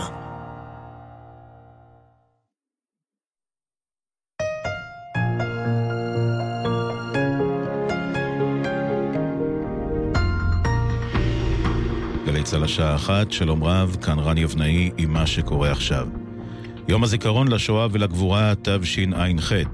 משלחת זרועות הביטחון נחתה לפני זמן קצר על אדמת פולין לקראת מצעד החיים. כאן רב סרן א', טייס מטוס הראם. היום, שבוע בדיוק לפני ציון אירועי 70 שנה למדינת ישראל, אנו נושאים באחריות להשמיע את קולם של הנספים במדינה יהודית, עצמאית ובטוחה. אנו, טייסי חיל האוויר, בשמם של כל משרתי צה"ל, מתחייבים לזכור ולא לשכוח. בשעה שתיים וחצי יצא מצעד החיים על אדמת פולין מאושוויץ לבירקנאו. זו השנה ה-30 למצעד, ובראשו יעמוד נשיא המדינה ריבלין, ואיתו 12 אלף נערים ונערות מרחבי העולם. שליחנו למצעד, צחי דבוש ומיכאל אבו, שמעו שני משתתפים ממרוקו ומפנמה. It's my first time here. It's very, it's so, so sad. It's our history, and we want to watch what happened to our brother. I think it's important to show, like everyone and the world, that we are still here, and that and that we can fight back, and that they didn't accomplish what they wanted. באו לזכור ביד ושם בירושלים החל בשעה זו טקס האזכרה המרכזי. מוקדם יותר התקיים במשכן הכנסת מעמד לכל איש יש שם, במהלכו יצא מהאולם השר אופיר אקוניס, כשחברת הכנסת מרב מיכאלי, המלווה באימה, עלתה להדליק משואה לזכר סבה דוקטור ישראל קסטנר, שנטען לגביו כי שיתף פעולה עם הנאצים, על אף שבהמשך נוקה שמו. כתבתנו מיכל צ'ין שמעה את אימה של מיכאלי, סוזי קסטנר. הם יכולים לבוא ולפגוש ניצולים ובני ניצולים. מדבר על זה שהיום בארץ יש חצי מיליון ניצולים ובני ניצולים של קסטנר. מה יותר מזה להגיד? איזה מילים יותר חזקות מאנשים חיים שחיו ומספרים את הסיפור. בגלי צה"ל נמשך יום השידורים המיוחד ליום השואה, בשעה שתיים בקולם. שורדי שואה במפגשים אישיים עם חיילי גלי צה"ל בשיתוף יד ושם. אריה עוז נולד בגרמניה, ואת רוב שנות המלחמה העביר במסתור בהולנד. בשיחה עם רב טוראית חן אדלה, סיפר לה על 30 החודשים בהם הסתתר בעליית הגג. כשהם פרצו לתוך הבית, אני רצתי מהר במעלה המדרגות, אבל לא הייתי זריז מספיק. החייל הצעיר רץ אחריי. ועכשיו אנחנו עומדים זה מול זה, ואז הקצין הנאצי מלמטה שואל אותו, האנס, יש שם מישהו למעלה? וההוא מסתכל לי בעיניים ואומר, לא, אין פה אף אחד. הוא הציל את החיים שלי. וכעת אה, לשאר חדשות היום, מות התינוק במלון באשדוד לפני שבועיים. הוארך בשישה ימים מעצר האם החשודה. כתבנו רמי שני. מערכת אכיפת החוק מתלבטת מאוד באשר לאופן הטיפול באם שעל פי החשד ביחד עם בעלה גרמו למות בנם הפעוט במהלך ימי חג הפסח בבריכת בועות בבית מלון באשדוד. בית המשפט באשקלון האריך היום את מעצרה שלהם בשישה ימים. היא נמצאת בהליך בחינה נפשי כדי לבדוק את כשירותה לעמוד למשפט. גורמי החקירה והפרקליטות ממתינים עתה לחוות הדעת שתוכן בעניינה כדי להביא לסיום ההליכים. רק אה, תרגיל תנועת מטוסי הקרב מעל שמי המרכז בשעות האחרונות הייתה במסגרת ההכנות למטס הראווה ביום העצמאות, כתבתנו פי גוטמן. לקראת מטס יום העצמאות ה-70 למדינת ישראל מתקיימים כעת בשמי הארץ אימונים של הצוותים שהשתתפו בטקס. בעקבות קריאות רבות של אזרחים על רעש להק המטוסים, בצה"ל כאמור מבהירים שלא מדובר באירוע חירום. ומזג האוויר, הטמפרטורות אה, רגילות לעונה, מחר עלייה ניכרת בטמפרטורות ויעשה חם מהרגיל. אלה החדשות שעורך מירון ששון.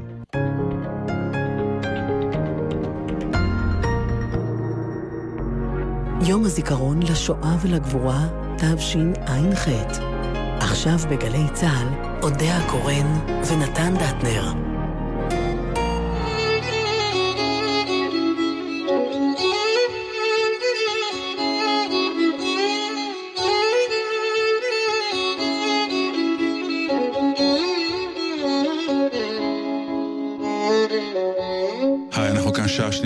קורא, נתן דטנר. תוכנית מיוחדת ליום השואה. ולהבדיל מהשעה הראשונה שבה חווינו אה, חוויות אחד לאחד, אנחנו השעה הזאת נחווה אה, חוויית דור שני, שהיא בעיניי הפכה עם השנים להיות יותר ויותר אמביוולנטית, ולכן החלטתי שאני אנסה להתעמת איתה, כן, עם, ה, עם התופעה הזאת. אה, ואת אה, ואני, כן. הזמנת נשים יקרות מאוד לאולפן, וכדאי לכם להקשיב למפגש הזה. נתן, הבאתי אורחות, אתה במיעוט היום. אם יש משהו שאפשר לחגוג בו ביום השואה, זה הרגע הזה. יפה. אוקיי. אז תגיד שלום לשולה טולמן. שלום שולה. ולאסתר, נתן. ולאסתר פלד. שלום לך אסתר. וזה נתן דטנר. זה מה יש. הוא גם דור שני, אבל הוא בן. ואנחנו אולי אחד הדברים שנבדוק היום אם יש בכלל הבדל בין בנות ובין אה, אה, בנים. הסיבה שאתן נמצאות פה היום זה בגלל שאני במקרה, אסתר, קראתי ראיון איתך. אה, אנחנו רק נציין שאת זוכת פרס ספיר להשנה, אבל את כתבת ספר נוסף. אה, שערכת, נכון. אז זהו, רציתי לדעת איך, את קוראת לזה ערכת, אבל יש שם חלק, הזה? כן. ערכתי לגמרי. יש אוקיי. שם גם, אני גם משתתפת ככותבת, אבל... הספר נקרא הבנות של אלה משם. ורק נסביר, כי פשוט הוא בנוי מחמישה מונולוגים של אה, אה, כל אחת אה, אחרת, ואחת מהן, את אחד המונולוגים את כתבת, ואחד המונולוגים כתבה שולה. סיפורה של שולה טולמן, ויש כמובן עוד שלושה סיפורים ולכן- לא פחות לכן היא מרגשים. ערכה. אה, היה קשה לבחור, אבל בסופו של דבר נבחרה שולה ואסתר, ואנחנו ננסה לדבר היום על הדבר הזה, שנקרא דור שני, ולראות אם יש בכלל עוד משהו שאפשר להגיד ולא יישמע מח- בוא- מחקרי. בוא נשאל את השאלה הראשונה. רק קרדיטים קודם. בבקשה. שלוש הכותבות הנוספות בספר הן מירי נתן, רונית פיינגולד וחנה הרצי. שלאף אחת מהם לא היה קל. דור שני. אני- מתי הומצאה הביצה הזאת? אה, אני רוצה, לפני שאתה שואל, תשמע קטע. אה, תשמע, תאמין לי שזה... יהיה לך שם. כבר נקבל את התשובה זה? כן. זה מתוך המונולוג של הסיפור של אסתר, וככה היא אומרת. אף לא אחד מהדור שלנו יצא בלתי מוטרף. כל אחד ואחד מאלה שמישהו מההורים שלו היה בתוך הדבר הזה, שרואים תמונות שלו ודברים כתובים עליו ביד ושם. כל מי שיש לו את זה בדם שלו, כולנו קצת מוטרפים. כל אחד מאיתנו בדרכו הייחודית, מה שכמובן מקשה עלינו, בנוסף לשאר הדברים שמקשים עלינו, להכליל. כלומר, לדעת שזה באמת בגלל זה. זאת אומרת, את אומרת שבעצם אין לנו, לא היה לנו סיכוי מההתחלה. לא, אני, אני רוצה לקחת את זה אחרת. אני רוצה להגיד שזה בתוך הדם שלנו, אבל יש לנו בתוך הדם עוד דברים. בין השאר יש לנו גם סיכויים בתוך הדם. אני בשום אופן לא מוכנה להגיד שלא יהיו לנו סיכויים מההתחלה. אני מוכנה להגיד שגדלנו בתוך מורכבות שאנחנו כאן בספר מנסות לייחד אותה. האם זה לא הכל בדיעבד? בעצם. כלומר, הרי, בוא, אני אגיד על עצמי, אני אעיד. אני בחיים לא ידעתי שאני דור שני. עד פחות או יותר, ברגע ששמעתי על המותג הזה, על האייטם הזה, שנקרא דור שני, אמרתי, וואי, זה מתאים לי. אני ממש נכלל שם. ופתאום אה, הייתי קיים. אבל עם הקיימות הזאת, פתאום גם החדרתי לעצמי דברים שאני חושב שלא היו לי. אבל אמרתי, אה, רגע, אימא שלי שתקה כל הזמן. עכשיו, שתקו בכל הבתים שאני הכרתי. כי זו הייתה הסביבה שלי כילד. זה לא שאני הסתובבתי וראיתי ילדים אחרים, אמרתי, יואו, איך אצלכם נורא נורא שמח ואצלנו נורא נורא עצוב. לא, הסביבה העקרונית הייתה פחות או יותר מה שנקרא ניצולי שואה. פה ושם היו גם אה, אה, יוצאי עדות המזרח, שזה סיפור אחר, ואו אה, מלח הארץ, אלה שהיו פה. אבל אלה היו באמת יחידי סגולה. אז אף פעם לא הרגשתי שאני נמצא באיזה אה, מקום שמה שנקרא ימים יגידו ואני אשלם על מה שאני עובר עכשיו, אלא זה נראה לי החיים, עם זה אני צריך להתמודד, וזה בסדר גמור, ילדות, יש דברים קטעים יפים, יש קטעים פחות יפים, ובא לציון גואל, ופתאום אני מתעורר יום אחד, ואני דור שני, ויש לי הרגשה שזה קצת בלון, שקצת התחילו לנפח אותו מאוד, כי יש לי הרגשה שעוד מעט יקום דור שלישי. יש כבר. ויש כבר, כן, וזה נראה לי באמת סוג של פועל יוצא, כי אם יש דור שני, כמו שיש יש אומרים, הייתה מלחמת העולם השנייה, אז בואו נקרא לה ראשונה, מלחמת העולם הראשונה. זה כאילו, אולי אפשר לבטל את זה וזהו. אולי אה, מה שאני שומעת בדבריך, אני לא יכולה לעשות את זה אחרת, מתוקף מקצועי והרגלים אובססיביים שיש לי מזה 30 שנה, כן. לצערי העמוק, אבל אולי אני שומעת בדבריך מצד אחד גם שראית את ה... אני קוראת לזה מסמן, שראית את השם הזה, דור שני, ואמרת, וואי, זה אני, זה מתאים לי, ואחר כך אתה רצית, ואחר כך אתה מדבר איתי על להתנער מזה. אז יש לך יחס כפול לדבר הזה, זה גם אתה, וגם אתה רוצה להתנער מזה. נכון? אני הבנתי נכון? לא. אתה רק רוצה להתנער מזה? לא, זה לא עניין של להתנער, אני חושב שזה סוג של... שאני... ש... כאילו ש- כפו עליו איזו הגדרה שעכשיו הוא צריך להוכיח אותה. ובמסגרת זאת אני פתאום מתעסק עם דברים שחשבתי שהם לא כל כך נוראים, אבל ההגדרה העירה אותם ואמרה, זה כן נוראים. אתה בעצם אז בפוסט-טראומה מה קטנה. נורא? זה שאמרו לך שזה נורא? לא, זה יכול להיות שאני גם באיזשהו שלב אה, הפנמתי שזה רע. ואולי פה הטעות. אז אני רוצה רק אה, להגיד שעבורי, אה, סוף סוף אה, לייחד אותי באיזושהי קבוצה שאני מרגישה אליה שייכות, סוף סוף, בשבילי זה מעין הצלה. סוף סוף הגדרה שאני יכולה להזדהות איתה. היית להבין זקוקה אותה, להצלה הייתי הזאת? מאוד זקוקה, כי אני למה? חושבת שלפני כמה שנים אני לא ידעתי שאני משתייכת לדור שני, ועצם החוויה של כתיבת הספר וגם ההכללות שככה אסתר כותבת בסוף, אה, לי הביאו ממש אה, אה, הקלה ותחושת שייכות ואחווה, אחווה של אלה שהם משם. אני, אני... של אלה שהם הבנות הבנות ש- של אלה משם. אני, אני כן. זוכרת את עצמי, אה, בש... נדמה לי זה בשנות ה-80, מגלה את הספר אה, נושאי החותם, שאת אה, מזכירה אותו, של דינה ורדי. ו- ואמרתי, אה, היו עוד? עכשיו, ברור שידעתי שאימא שלי לא היחידה, אתה יודע, שעברה את השואה, אבל עד שאתה לא רואה דברים, ואני אגיד לך, אני אתן דוגמאות עכשיו קונקרטיות, למשל מהסיפור שלך, שולה, שכזה...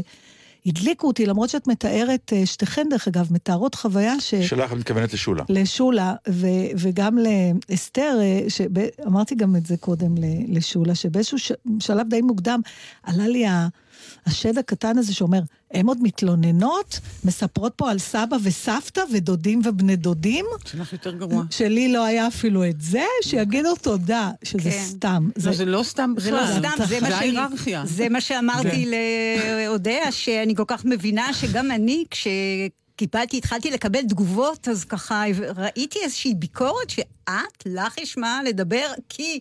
ואז התחילו סיפורים אחרים, אה, אבל... אז יש היררכיה. כן. מי סובל יותר? אז תראו רגע מה יש לנו, זה מאוד מעניין, אני חושבת. מה שהולך פה ומה שהולך פה, כן, ומה שהולך פה דומה קצת ל- לפידבקים שקיבלתי מבחוץ, אה, ולא רק, מ, לא רק מדור שני. איזה פידבקים? פידבקים אמביוולנטיים.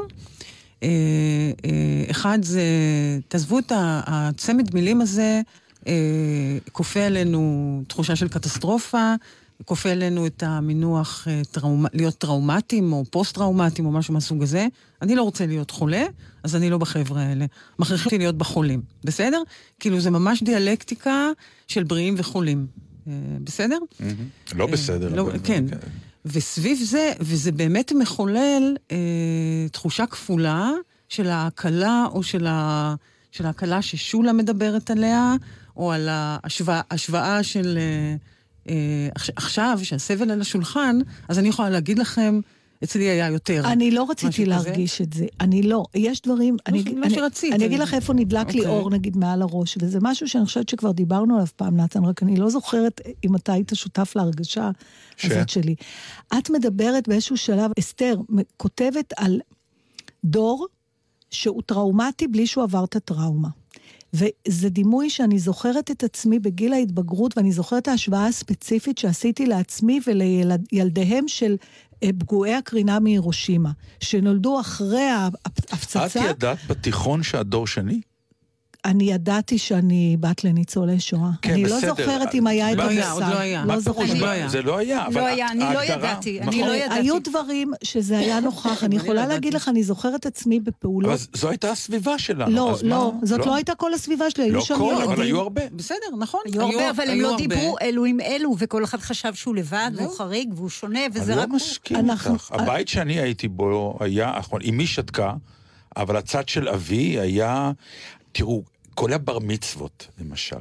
אני היום מסתכל על התמונות של הבר מצוות שלי, ואתה פתאום קולט שזה חגיגה של חיים. כי פתאום בארץ ישראל נולד הילד החדש, ועושים לו בר מצווה, וכתבו לי את הדרשה. עכשיו, הדרשה דיברה 80 אחוז על השואה. אז תראה, נתן. כל הזמן עמדתי, אני זוכר, עם הפתק שכתב לי איזה איש... הוא היה בר מזל. לא, לא, אני לא יודעת, כי הוא... אפשר, אפשר... יכול להיות, כן, כי אמי יאללה, הוא היה בר מזל. החליטה... אמי החליטה שהיא לא מדברת, כי שהילד ו- לא ולא לא פחות ייפגע. מזה, לא פחות מזה, אני אני מתנצלת אם אני אפר את שלוות רוחך, אבל... אה, אם תצליחי. אני- לא, אני לא, אני ממש, מתחמק אני מתנצלת. אם אני לא רוצה, אבל זהו, זה מאוד בולט אפרופו.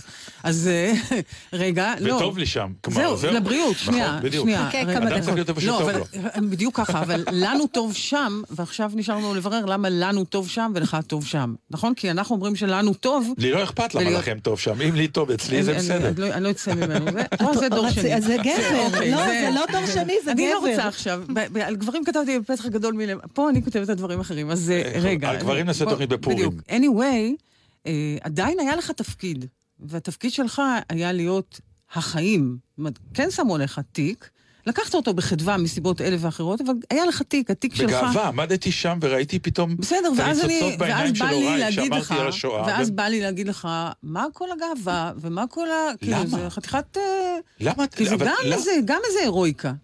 אבל למה להגיד לי את הדברים האלה? כלומר, עכשיו אני רוצה לעשות את זה יותר מובנה. אני הוא- עכשיו קוראת, רגע, אני לא יכולה. את תצטרכי להתאפק. לא, אין מצב. כי אחרת אנחנו נעשה את זה, נתן כמייצג. היה לו אבא עם הומור, ואימא שהלכה לחדר השינה והתכסתה בשמיכה, והבחירה שלך הייתה להזדהות עם האבא עם ההומור. לי לא היה אבא עם הומור, היה לי אבא ספרדי, שסבל מספרדיותו, יכולתי להזדהות עם זה, ואימא שהייתה מפצחת גרעינים ומנותקת רגשית בשעות של ערב יום השואה. ואני הלכתי להקריא דברים בטקסים. זאת אומרת, כל אחד והפתרון שההורים שלו נותנים לו. אמא שלך ברח... יכולת ללכת לנחם אותה בחדר השינה. אז אני אספר לך את הסיפור שיכה בך. שיכה בי. כן. אתה רוצה להכות בי? לא, זה כי את מכירה אותו. נו, אני הייתי ילד מאוד טוב. כן, אני הייתי ילד של אימא. כן, אני גם קרוי על שם האבא שלה, אוקיי. שהלך בשואה. אוקיי. אז גם עם השם נשאתי על עצמי את ה... אוקיי. עכשיו, זה שלא היה לי סבא וסבתא, זה סוג הדברים שאתה אומר, וואי, אוקיי, אבל לא יודע, הסתדרתי עם זה. בקיצור, אם היא הייתה, אם היא הייתה עקרת בית והייתה עושה סיאסטה, הייתה הולכת לישון משתיים עד ארבע. ובארבע הייתי חייב להעיר אותה. והיה טקס, הייתי מכין לה קפה שחור, מבושל, ומביא לה את הסיגריות, ולמיטה, ומעיר אותה. עכשיו, כל יום שהייתי מעיר אותה, היא הייתה קמה בפאניקה. ואני, מאז שאני ילד קטן, הייתי אומר לה, אמא, הייתה עושה, ומתעוררת, ומסתכלת עליי, ואני זוכר שהסתכלתי על זה, אפילו לא שאלתי, לא את אחותי ולא את אבא שלי, למה? הבנתי שמשהו לא בסדר, אבל היא גם התעשתה כל כך מהר כי ראתה אותי, אז הבנתי גם שזה עבר. כמובן, ברבות הזמן, עוד לפני שהייתי מותג של דור שני, הבנתי שכנראה, מה שנקרא, ניצולת, או שורדת אושוויץ, כמו שהם אוהבים יותר נכון להיקרא, אז היא כנראה בסוג של איזושהי טראומה. אה, אבל עליי זה באמת השפיע, או היה, היה מאוד קשה, אבל לא עד כדי כך שאני, מה שנקרא, אמ, איך אני אומר את זה? אמשוך את זה, אמשוך את זה הלאה ו- ו- ו- והודיע אה, קבל עם אה, ועולם שרבותיי, אני ילד שסבל מאימא שהתעוררה נורא קשה, ולכן היום אני מאיר את ילדיי ברוך. מה לא שם? אני עכשיו רוצה לקרוא אה, קטע מה, מהמונולוג שלך, אה, שולה, שמאוד התחברתי, אבל אני רוצה שנדבר עליו קצת. יאללה. וככה את אומרת, שולה, הישארות בחיים. הפירוש הראשון המופיע במילון, במילון למונח הישרדות. החובה המוסרית העמוקה להישאר בחיים, שהופנמה בתוכי בלי דעת, קיבלה עתה משמעות מצמררת של ציווי חד משמעי. בטיולי התנועה המפרכים, בעליות האכזריות על ההר בג... בגשם שוטף, נשמרתי מכל מעידה, פקחתי שבע עיניים על כל מהמורה אפשרית, נזהרת לא למעוד לתהום הפעורה מתחת. הלחץ הנפשי שבו הייתי נתונה, לווה בתמונה אחת ויחידה. אי אפשר, לא ייתכן לבשר לאמי שילדתה, משוש נפשה, לא תחזור עוד. פניה של אמי ודאגתה היו לנגד עיניי. אני חייבת לחזור שלמה ובריאה למענה. חשיבותי בחייה הייתה כה בסיסית, כה אקסיומטית, שלא הייתה דרך אחרת. עליי לשוב ויהי מה, חיה ונושמת. אשר על כן, הישרדות. מה שהכי הפחיד אותי, זה המהירות שהבנתי על מה את מדברת.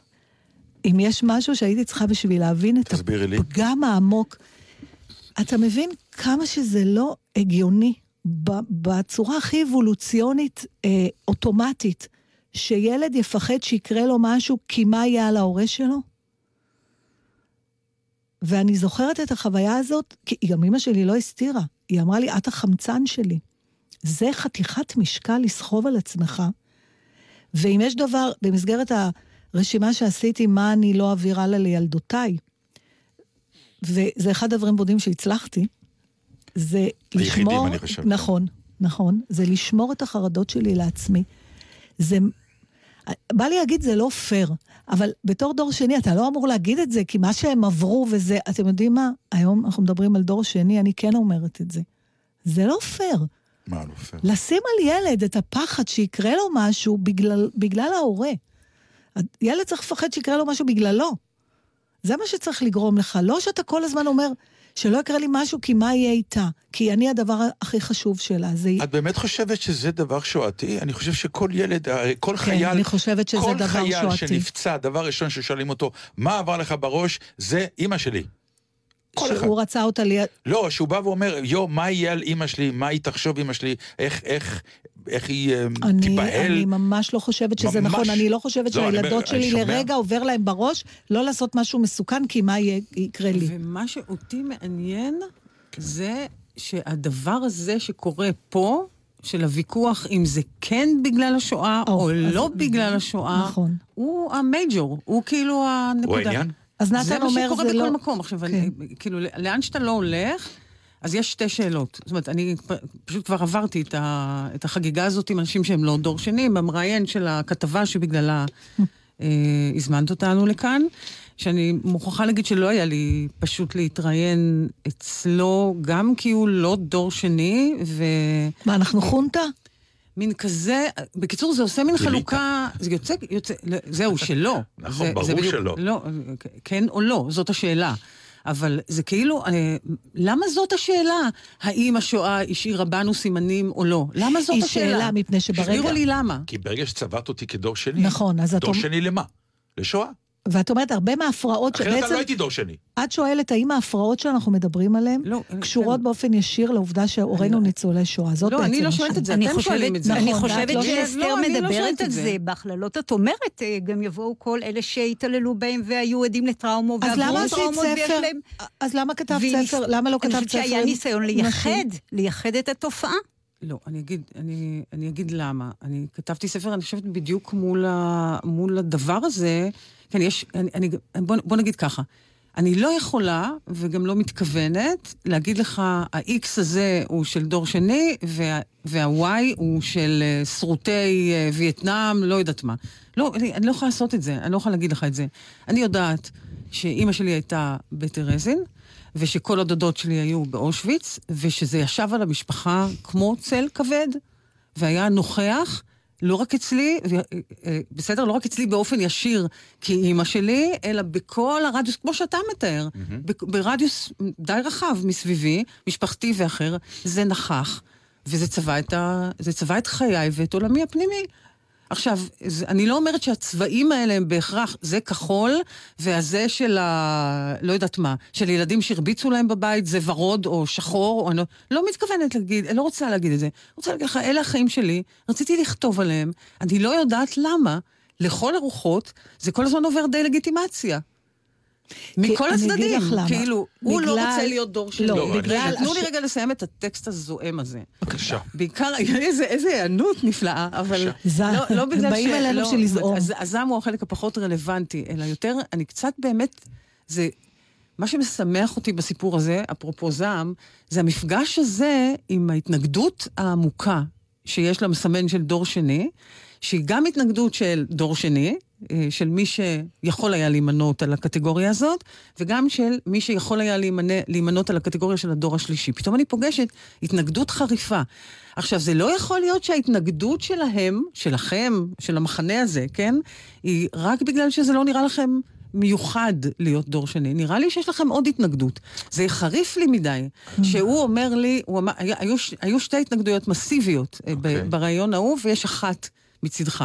אותך אני יותר יכולה להבין, אתה אומר לי, ריבונו של עולם, אל תשימי לי, אל תשימי את זה עליי, אני קל וחופשי, את שמה את זה עליי, זה מכביד עליי, אני לא רוצה את זה, זה לא שלי. את זה אני יכולה להבין.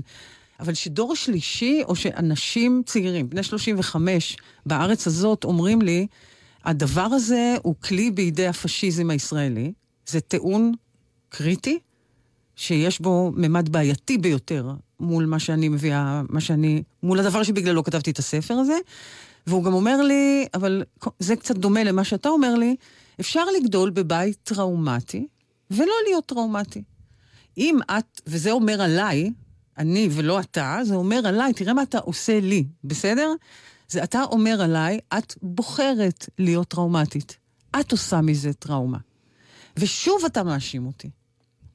או אולי... שוב אתה מאשים אותי, אני מתנצלת. לא, בסדר. כמו שהואשמתי, כמו שהרגשתי, לא יודעת אם הואשמתי, זה קצת פרנואידי מדי, אבל כן. כמו שכל חיי, אמרו לי, תסתמי תסתמי את הפה, מה קרה לך? אם את קצת, אה, אם יש לך קצת בעיות עם זה, מוטב שתסתירי אותם, ובואי נחזור לנורמה, ונהיה שמחים וכלילים. זה בדיוק מה שכתבתי בספר הזה. אני לא הצלחתי, אתה הצלחת. לא יודעת למה. עכשיו, אני יכולה להתחיל לחפור, הצלחה של מה את מדברת? הצלחה להיות קליל ומלא חיים. אני לא הצלחתי. אבל, אבל את מחמיצה פה את- משהו, אתה חושב אסתר. שמשהו לא בסדר אצלי? לא, אבל לא, נתן אבל את חושבת שזה אתה- רק בגלל זה שאת דור שני? לא, זה לא רק בגלל. ברור אבל, שלא. אבל זה גם בגלל. אני-. ולמה אתה, עוד פעם, רוצה לך. שזה לא יהיה רק לא, בגלל? אני אגיד לך. יאללה, נתן, זה רק בגלל. לא, אני אגיד לך. אני אגיד לך איפה... אך כל איפה- השאר נלווה לזה. נתן, אתה? יודע מה היא אומרת? אנחנו, אז זה נורא מובן מאליו לשנינו. כאילו- אבל כשאנחנו דיברנו כל השנים, וזה דבר שלמרות שאנחנו מאוד שונים, זה דבר שמשותף לשנינו. אנחנו נורא מודעים לנורמליות שלנו. אנחנו מדברים עליה כל הזמן. היא הישג. היא הישג. זו תשובה מעניינת. היא לא מוב... אני, מבחינתי, אם אני צריכה להתהדר במשהו, זה שאני שפויה. זה אני, כל אה, כך לא מובן. מאליו, וזה כן קשור לבא. עכשיו, אתה תבוא ותגיד לי, תשמעי, כל אחד הוא דור שני של משהו, כל אחד יכול לעבור. אבל מה שאסתר אומרת לך, היא אומרת לך, זה לא... קודם כל, אני לא מסכימה עם זה. אני חושבת שיש משהו בדור שני, אני נורא מצטערת. אל תצטערי. לא כל הטראומות הן שוות. וכשאתה נולד להורים שמ... שסוחבים על הגב שלהם כל כך הרבה מתים, אתה יודע מה? אני על הגבול של להגיד שאני לא בטוחה שהם היו צריכים להביא ילדים לעולם. זה כזה, זה כל כך מעוות לך את הנפש, שזה הישג של מי זה שהצליח. מאוד מאוד כבד. זה כבד, מאוד ויש כבד. הרבה דברים שברור שיש, תדבר עם ילדים של אלכוהוליסטים, יש להם את הסיפורים שלהם, אבל, אבל יש משהו ייחודי, כמו שהיה משהו ייחודי בשואה, יש משהו ייחודי באלה שלא נספו, ויש משהו עוד יותר ייחודי באלה שלא נספו ובחרו להמשיך את החיים שלהם הלאה, כי יש כאלה גם שהתאבדו. זאת אומרת, אנחנו כבר, הצאצאים של המיעוט של המיעוט של המיעוט של המיעוט. עכשיו, לא יכול להיות שהם עברו את זה והביאו ילדים לעולם כמו חבר'ה שנולדו פה בדגניה א'. אני לא יכולה לקבל את זה. אני לוקחת את זה ממש כטרגדיה. אני חושבת שאני גדלתי בבית עם טרגדיה. וזהו, וזה מה הסיפור שלי, אני לא מרחמת על עצמי בגלל זה. אבל אני, אני, אחד, מרגישה שאני צריכה לספר אותו, ואני הרבה שנים לא סיפרתי זה אותו. הדבר היחיד בעיניי שמוצדק בטייטל הזה צריכה לס- שנקרא נכון. דור שני. כל אנחנו מודים השאר- לך שמצאת הצדקה לא, אחת אמרתי את זה כבר בשבילנו. קודם, לא, אמרתי את אז זה אני- קודם. אז אני יכולה להודות לך עוד פעם. המושג זיכרון, ולזכור אותו, ולאות אלה ש... אני גם אומר, אני אפילו מוכן לשאת בעול הזה, כי זה עול, כי אה, לא תמיד כולם רוצים להקשיב לנו גם. שזה סיפור שצריך זה- להתמודד איתו. זה הסיפור שאיתו אנחנו מתמודדים לא, ברגע זה. נכון, זה אבל, בדיוק אבל, הנקודה. לא, אבל לא מהאזור של וואו, איזה אה, טראומות עברתי בבית. זה לא מעניין את אף אחד. באמת שזה לא מעניין. כל אחד והטראומות שלו מכל מיני סיבות שלו. עכשיו אני רוצה להעלות נושא אחר שעבר לי אצל שתיכן, שהוא לא מובן מאליו לא בשבילי. בסדר, זה ככה זה אצלנו. לא, לא, זה לא, זה הרגשית, כאילו. נכון, אבל בשביל זה אנחנו פה. אתם שתיכן אהבתם את האימהות שלכם. כן. רציתם להגן עליהן, אתן מדברות על זה שתיכן, נכון. כל אחת ממקום אחר. אה, אתן משתמשות במילים שהיו לי זרות. רוך, חמלה, אה, רצון להגן. אה, את אה, אפילו מד- מדברת על היפוך תפקידים, נכון. שאימא שלך גם פיזית, אסתר, אסתר, אה, אימא שלה יותר קטנה ממנה בגובה, והרבה הייתה. פעמים הייתה, היא מרגישה שהיא אימא שלה. אה, וגם אה, שולה מדברת על ה, כל הזמן על הרצון הזה להגן, שלא, שהסבל הנוסף לא יבוא מכם. נכון. אה, אני לא הרגשתי ככה. אני רציתי לנקום באימא שלי שהיא ניצולת שואה, אני נורא כעסתי עליה, על מלא דברים. אה, רק עכשיו, בגלל שהיושב במרומים, אם הוא באמת יושב שם, ריחם על שתינו ולא הרג את אימא, אלא גרם לה לאירוע מוחי, אז היא נשארה בחיים, אבל היא אישה אחרת, ואז אני, עכשיו אני יכולה לאהוב אותה ולחמול עליה וזה, אבל זה, 50 שנה לא היה את זה. אה, נתן, במשך השנים בסיפורים שלו, אתה מתאר חוויה דומה שלהם גם, של אהבה גדולה מאוד לאמא, אף פעם לא. שמעתי אותך אמביוולנטי. אני ואימא שלי? כן. אני אמרתי, אני הייתי ילד של אימא, אני גם הייתי ילד הדתי. אצלנו הייתה החלוקה הקלאסית, שאני כבר חוזר עליה המון פעמים, הידועה. אבי אה, אה, אמר אין אלוהים כי הייתה שואה, ואמי אמרה יש אלוהים כי שרדתי את אושוויץ. אחותי הגדולה, יונה, גדלה בצל אבי, ואמי החליטה שאני הבן שלה. נתנה לי כיפה סרוגה בראש וכינור ביד, כמו כל ילד יהודי טוב, והייתי ילד של אימא, מכל כיוון ומכל... אבא היה בעבודה, אימא הייתה איתי. היינו מנפנפים בשבת לשלום לאחותי, שנסעה עם אבא שלי על האופנוע לים, ואני הייתי יושב עם אימא שלי ועושה שבת שיחה. מה זה שבת שיחה? בוא ספר לי מה עבר עליך כל השבוע. ואתם יכולים קצת לתאר על ה... את הר- לדבר גם אני על הייתי זה עושה עם קצת? אמא שלי שבת שיחה, אבל אז היא הייתה מספרת לי מה... אז, תספרו קצת, תספרו קצת על הדבר אז הזה. לא, אני חושבת על מה שאתה אומר, שבת שיחה, השיחה, אני הייתי מדברת. זאת אומרת, אמא שלי לא הייתה מדברת, היא גם לא הייתה שואלת, לא הייתה מתעניינת, אז לי היה תפקיד אה, מאוד אה, כבד, גם לנהל שיחה, גם לחשוב על נושאים, גם... אבל לא, לא קיבלתי שום הד. לא קיבלתי שום התייחסות, שום שאלה, שום התעניינות. בקיצור, היה לי בית טוב. זה מה שאתן בעצם אומרות לי, בנות. אני לא חושבת שהיה לי בית רע, פשוט היא, היא הייתה פגועה. לא, כי... בסדר, מה, אמי לא- אמי הייתה פגועה מאוד. אז היא היא מתה הצליחה בגיל לא- 57, לא כי היא הייתה בריאה, רבותיי. כן. היא הייתה מאוד מאוד מאוד חולה. היא מתה, היא נפטרה מאוד מאוד צעירה. אתם דיברתם עם האימהות שלכם על, ה, על החוויות שלהם במלחמה? אני שאלתי, כשהייתי ילדה, כשאימא שלי סיפרה על אה, שלה שלקחו אותו, זה המעט המשפט הקטן כן, שהיא את לקחו אה, אותו. להגיד אחרי ששאלתי ולא הבנתי, אה, וזהו, והיא לא, לא דיברה על זה. ואני גם הבנתי, אני קלטתי, הייתי ככה רגישה, כל איתות אה, בפנים שלה מיד אה, שידר, זהו, עד לפה. לא לשאול, לא להתעניין, לא לחקור, אז עזבתי. לא... לך יש תיאוריה. מעניינת, אסתר, שגם הקפיצה אותי קצת. לפחות ככה הבנתי, שאת טוענת שהם לא דיברו כדי לא להרוג עוד פעם את המתים שלהם. את יכולה להרחיב את המשפט הזה? כן. כי הסברה היא שרוצה להגן עלינו מפני הקושי, אבל את מציעה פה הסבר אחר. כן, אה, כן, שהוא אה, אה, במהות שהוא קצת לקנייני, מ- מבחינה פסיכואנליטית. אה, יש כזה ביטוי של לקן שאומר, המילה הורגת את הדבר. והמשמעות של זה, זה, זה, זה דומה לתהליך שאנחנו עברנו כשכתבנו את זה. את זוכרת את הפרולוג שלי שאני כותבת, יש זה, כן. שאני רק רוצה שזה יעוף ממני, כן. יסתלק ממני, שאני אוכל סוף סוף להיפטר. מזה. זה הממשי, זה הטראומה, בסדר? Mm-hmm. ויש משהו במילים שהוא כן מצליח לאחות את החיים בחזרה ולהיפרד מהטראומה. אז אם אתה מדבר על המתים, אז הם הופכים לדבר שמדברים עליו מדבר שבאיזשהו אופן נמצא בתוכך, חי בתוכך. הם נהרגים שוב מעצם העובדה שאתה הורג אותם מחדש לתוך הדיבור. אבל השתיקה הזאת היא נורא הרעישה. זה לא באמת עבד שהם לא דיברו על המתים. זה עבד במובן הזה... היה המון רעש לא, מהשתיקות לא, האלה. כן, לך זה היה בדיוק, רעש, היא הייתה להם- שקטה, היא לא הייתה צריכה להעלות אותה מהאור. אבל אתה לא בדיוק. הרגשת אותם? לא ידעת עליהם? הם לא נכחו בבית, אני... לא. בקטע שאני כתבתי לא, עשו לתוכניה עבודה מצוינת. של, לא, של אין סבא ההצגה, אני וסבתא, אומרת, למה נפטרו וזהו, הוא השואה. אבל, אבל. זה לא נתק, זה לא שהם פשוט היו מנותקים רגשית. זה, זה, זאת אומרת, זה לא מודע שהם לא דיברו עליהם כדי... זה פשוט, הם היו מנותקים מהכאב, הם לא רצו להרגיש, הם לא רצו לחשוב, לא רצו לדבר על זה. למשל, אני זוכר את משפט אייכמן. אמא שלי מגהצת, והטרנזיסטור ממש על ידה, ואני מגיע מבית ספר, היא אומרת לי, שלום, יש אוכל מוכן? זהו, והיא ממשיכה לגהץ ולשמוע. ואתה מה? אתה רואה אני- את זה, אני ומה, נתן? ומה? רק רואה אני את צופה? זוכר את זה, כן.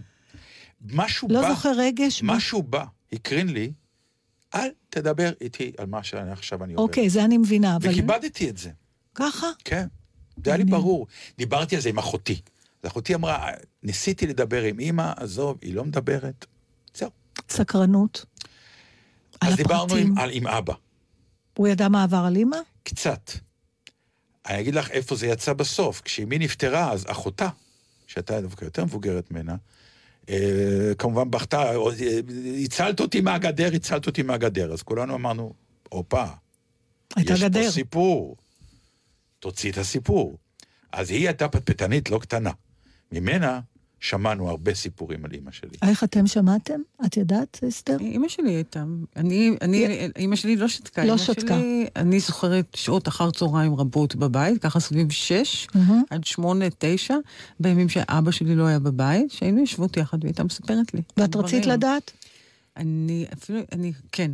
כי את מתארת שאח שלך כן. נמלט עם ההיפראקטיביות שלו לחצר. נכון, אח שלי בחר... כן, גם אח שלי. בחר. תשמע עוד פסקה אחת של אסתר, תגיד לי אם אתה מתחבר לזה. מדובר אם כן בעיקר בבדידות של ילד. זה אפילו קצת מרגש אותי להגיד את זה. אני חושבת שכל הדור השני שאני מכירה חווה את, או חווה את הבדידות הזאת, שהיא במידה מסוימת אותה בדידות. בדידות של ילד שההורים שלו נושאים איזה מטען חורג, ובגלל שהוא חורג הם מעבירים אותו אליו, ואין לו מושג שזה מה שקורה, אבל זה מה שקורה וזה גדול עליו, ואין לו איפה לשים את זה או למי להעביר את זה, כי זה חד-כיווני. הם שמים אצלו, והוא לא יכול לשים אצלם שום דבר. זה רק ראייה לאחור. לא יכול להיות שזה ילד ברור. שחושב... בוודאי שזה ראייה לאחור. ברור, בוודאי, אבל עכשיו ש... אני, אני אחבר אותך. האם, האם אנחנו זוכרים, ופה גם אני מזמינה אתכם, אה, האם אתם זוכרים וזוכרות את עצמכן מתאפקות ממה שאימא שלי הייתה קוראת, אל תוסיפי לי. זאת אומרת, מונעות מהם מידע שאולי יכול להדאיג אותם, שיכול להכאיב להם, כי מספיק הם סבלו ומספיק היה להם, ואתה לא יכול שהם ידאגו לך, כי זה לא פייר, כי אתה צריך אני רוצה לשמור את זה להגיד לך שהם לעצמך. פשוט לא היו- לא היו דואגים לי בכל מקרה. אז מה? הם לא היו דואגים לך? וואי, איזה חוויה מוזרה זה, איך זה דואג? בטוחה שניצולי שואה, אמא שלך ניצולה. היא לא דאגה לך? היא לא הייתה חרדה, אמא שלי לא הייתה לא חרדה. הייתה חרדה? לי. לא, אמא שלי הייתה, אמא שלי העסיקה את עצמה ב-X דברים בחייה, באופן מאוד, אה, מאוד אה, ממודר היטב.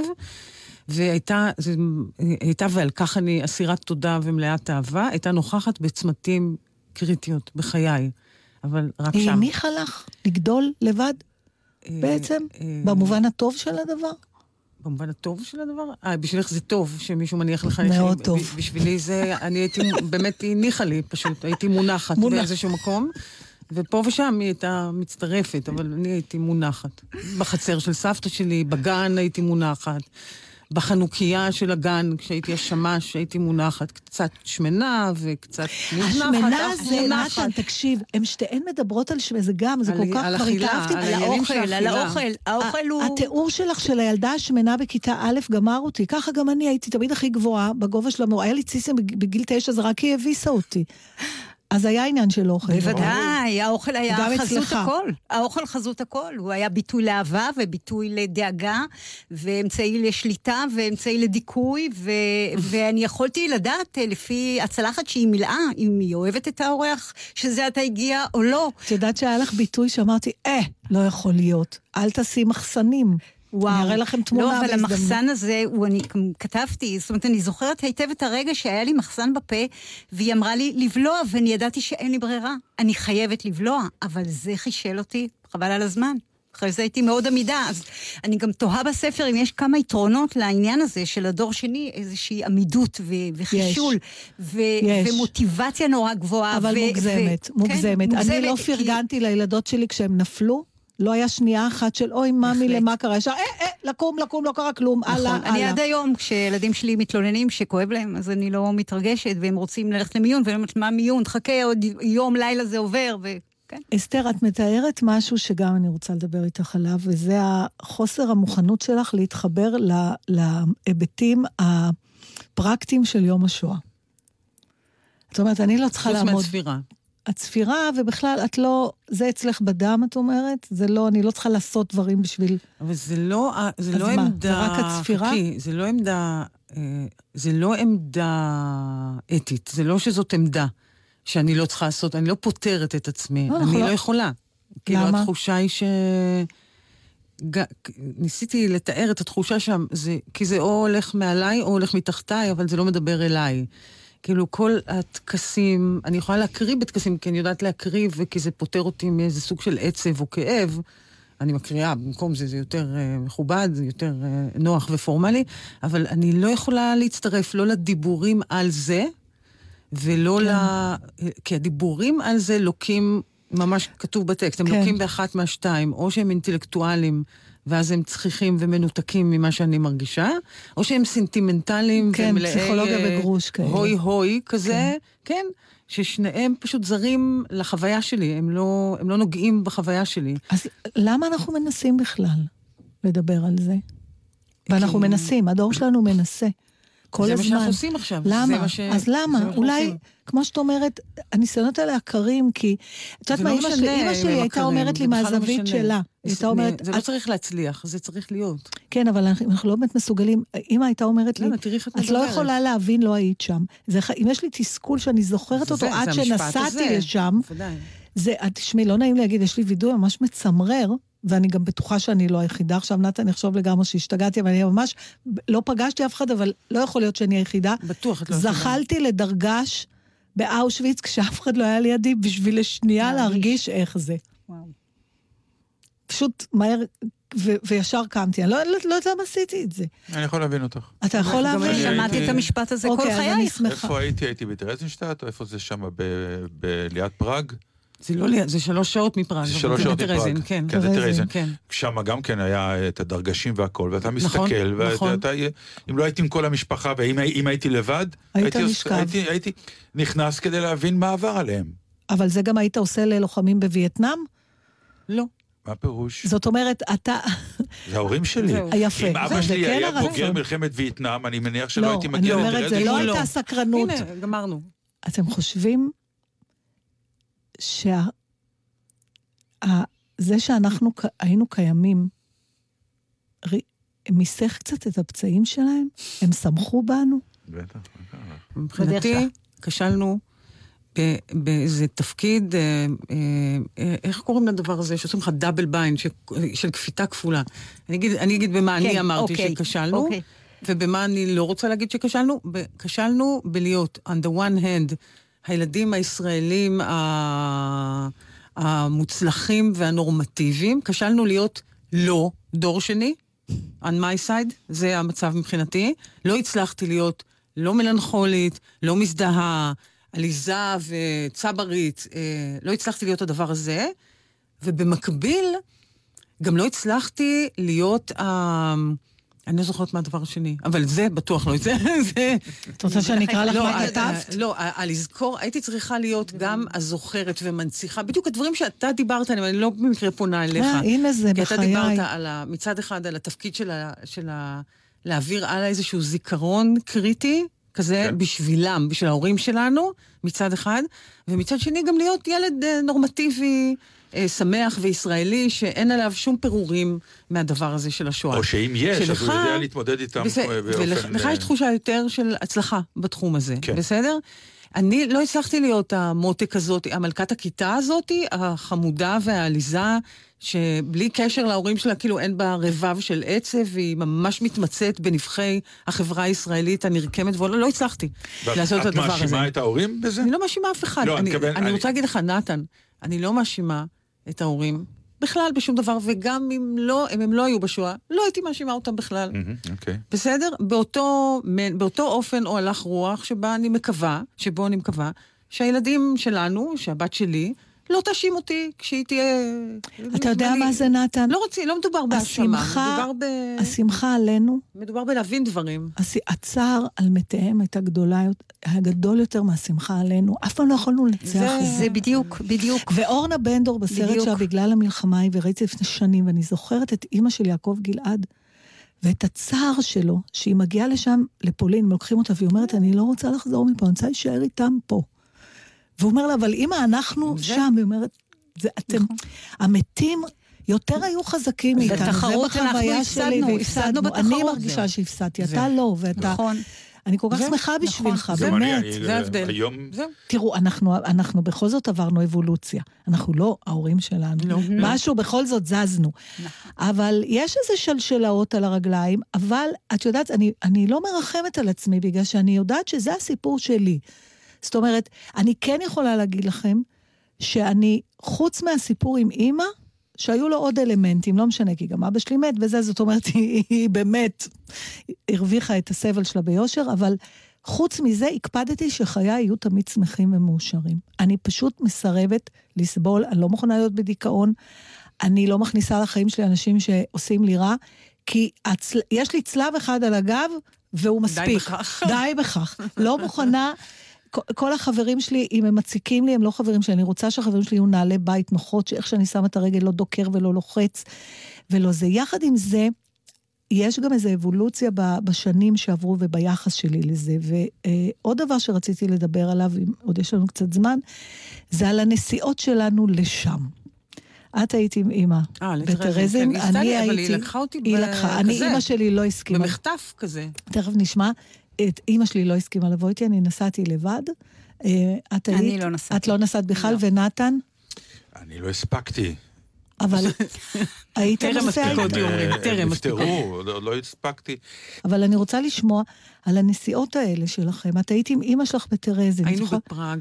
כן. פשוט היינו בפראג. אה, אני, בתי, אה, שהייתה אז בת עשר, ואימא, פשוט נסענו לפראג. כי המיתולוגיה זה שאימא היא פרגאית, כאילו במקור, וזה היה מאוד מרגש בשבילה שאנחנו נראה את עיר, את העיר שלה. דרך אגב, ההגדרה שלנו לצ'כים זה פולנים בלי רגשות אשם. שאפשר לה... הם, הם באמת יותר נחמדים. הם, אנשים, הם, הם באמת יותר נחמדים. הם חזקים, אנשים חזקים, הצ'כים. הם... משהו... נכון? לא? הם... הייתי בצ'כיה הרבה פעמים, הייתי בפראג הרבה זמן. הם אנשים קשים קצת. כן? כן. טוב, אז... לא חשוב, לא באנו לדבר על הגויים. אולי הגויים. הגויים. יאללה, בסדר? אוקיי, אז היית בפראג, שלושה דורות. אני לא יודעת, לי יש... אני רוויה במיתולוגיה של אימא שלי על פראג, אז אתה לא מתחבר לי למיתולוגיה שלי. כן, ברור. הם נורא נחמדים, וטובים. אני לא מתחבר לשום דבר אלייך היום, בכלום. לא נכון, די. עכשיו... אז הייתם ב... לא, לא, לא, באמת, כאילו, כי לי יש... אני זוכרת את ה... ברור לי, הבנתי. כאילו, תראי איזה אנשים נחמדים פה, כזה. אוקיי. בשעה שמי שהיה לו קשה להיות שם זה אני. כי מה את עושה לי מהאלה שזרקו זרקו אותך כאילו לטרזין, מה את מספרת לי שהם נחמדים? כאילו, אני לא... זה כאיזה היפוך פסיכי. זה, זה. מה, זה מה שקרה, שהיא כאילו נשארה עם איזו זהות אירופאית אה, של אירופה האצילה והיפה והתרבותית. ואני הסתכלתי ו- ואמרתי, כאילו, לדבר הזה, לאנשים האלה שכאילו שמו אותך על הדרגשים האלה, אפרופו, להם את כאילו, להם את שומרת uh, כזה כבוד? לא, mm. זיכרונה לברכה.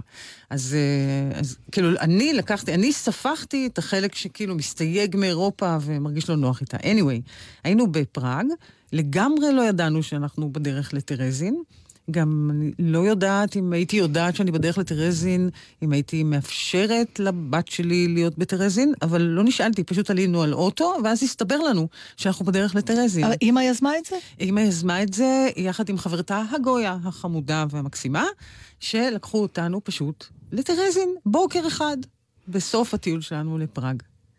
ולא עוד אלא, שבהגיענו אל המחנה, זה, זה, זה, זה משהו שאני לא אשכח כל חיי, את החזות של הדבר הזה. אתה היית שם, אתה זוכר שיש כיכר כזאת, יכול, לפחות הייתה בזמנו, זה לפני הרבה שנים. הייתי לפני הרבה שנים. אבל יש מין כזה כיכר גדולה, מצד שמאל יש את, ה, את העיירה, שזה הדרגשים לשעבר. נכון, הצריפים הארוכים האלה, ומצד ימין יש את הקליינה פסטונג, אתה זוכר את המצודה הקטנה? יש את המצודה ויש את התעלה, יש את המנהרה. בדיוק. בסדר? בטח. זהו. עכשיו, אני, אנחנו מתקרבות, אנחנו יורדים שם איזה קיוסק, היה שם איזה קיוסק עלוב בכניסה, אנחנו נעמדות על ידו, מחנים את האוטו וזה, ואימא שלי אומרת, אסתי, אנחנו נישאר כאן, אנחנו נחכה לך כאן, תלכי לראות מה יש שם, במקום הזה, והיא מצביעה על המצודה. אני אף פעם לא הייתי שם, היא אומרת לי, תלכי לראות מה יש שם. וככה, את מבינה? זאת אומרת, כל המסע... והיו מקלחות שם. כן. כן. כל, כל, כאילו... היא ידעה מה יש שם כשהיא שלחה אותך לא. לא. לא היה לה אפילו... לא, אימא שלי חשב... היא לא... אימא שלי... לא, הייתה מנהרה להוצאה להורג. כן, אבל אם היא הייתה בטרזין, אה, היא בטח ידעה באיזשהו לא, אופן, לא? לא, זה חשוב לי להגיד לך. אימא שלי היא אדם שכולו אמת, היא לא אדם משקר. זה, זה mm. דבר שאני יודעת, אין שאלה.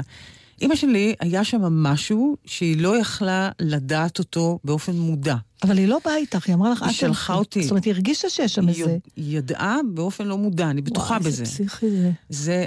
זה הכל ככה, בסדר? ומי שנשלח לדעת ממש, זה אני. מי שנשלח להסתכל בעיניו ולהבין מה הוא רואה, זה אני, זה התפקיד שלי, זה כמו שהתפקיד שלי זה להסתייג מאירופה.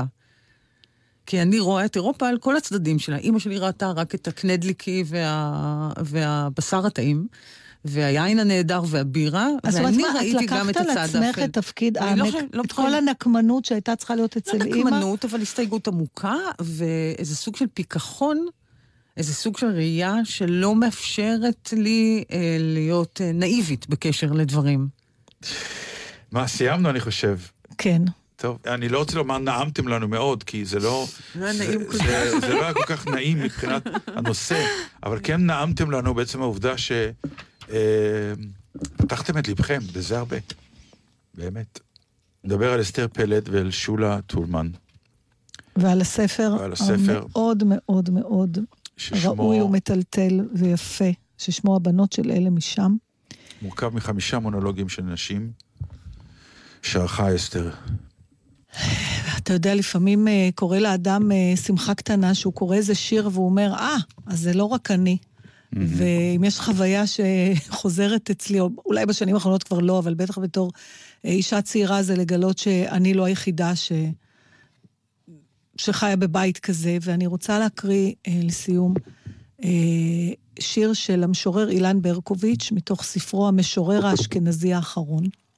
זה טייטל יפה בעיניי. כן, זה כמובן הוא. כל השירים שלו, הוא מדבר כביכול בגוף שלישי, אבל זה הוא. והשיר הזה נקרא המשורר האשכנזי האחרון. אני חוזרת רגע. אני רוצה להקריא אה, מתוך הספר של אילן ברקוביץ', המשורר האשכנזי האחרון, אה, שזה... אתה יודע, תמיד טוב לראות אה, שאנחנו לא היחידים שמרגישים דברים, וגם אם היינו צריכים אולי לנמק עוד פעם למה אנחנו באים הנה שנה אחרי שנה, אז אני חושבת שהשיר הזה מסביר את זה. והשיר נקרא המשורר האשכנזי האחרון רוצה לקחת קצת הפסקה מכל הדבר הזה שנקרא שואה. המשורר האשכנזי האחרון רוצה לקחת קצת הפסקה מכל הדבר הזה שנקרא שואה. לא צריך למהר. העצמות בקבר כבר לא זזות יותר, והשלדים בארון תלויים על קוליו של צייד נאצים מהמאה שעברה. זמן המוות הוא תמיד עתיק. עוד תחזור לרשימות והסרטים, האנשים הניצולים והמתים, ובעיקר הילד הקטן שהולך איתך לכל מקום ותקוע לך כמו עצם בגרון. כזאת אחת ששרה בקול צרימה, קול החרון. אתה המשורר האשכנזי האחרון, אל נא תשכח אותי.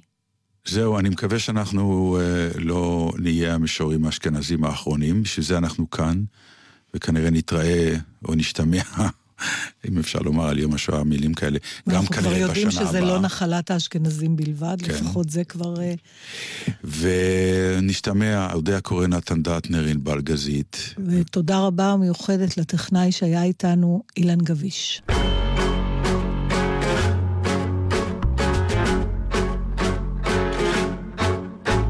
בבית האפור, ברחוב דוב הוז חמש האורלוגין תמיד היה תלוי קצת על העוקם. תמיד היו דברים שהס מלהזכיר, ולילד כמו יואל זה קשה קצת להסביר. אל תיגע בפמוטים, זה מזכיר לסבתא בינה, עבר שחור משחור שבעל כורחה הלבינה. אל תיגע במנורה שפוצעת את הקיר, את הבית האפור אי אפשר כבר להעיר. בבית האפור החלונות תמיד סגורים, ואיש אינו שואל, כי מוטב שלא לדעת. כולם מהנהנים מצקצקים בלשונם, כשסבתא בינה מתלוננת על פגעי הזמן. אל תיגע במכתבה שנטשה את מכתביה, אחד לא אוהב לבכות כשהוא שבע. תגמור את הלפתן ותלך מיד לישון, כי כל בני האדם מחקים את השעון. ומה שלא תעשה, אל תיגע בתקליט הישן. הוא מזכיר לסבא וסבתא עולם שחלף מן העולם. בבית האפור מכבים את הכבוי, מאבקים את הספות למרות שאיש כבר לא יושב שם. את הלחם מכסים כמו לו היה תינוק, את הבכי הכבוש סוחטים אל תוך צינוק.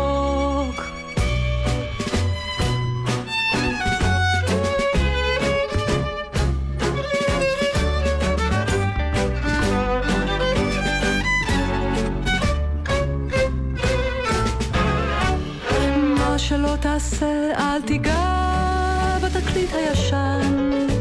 הוא מזכיר לסבא וסבתא עולם שחלף מן העולם.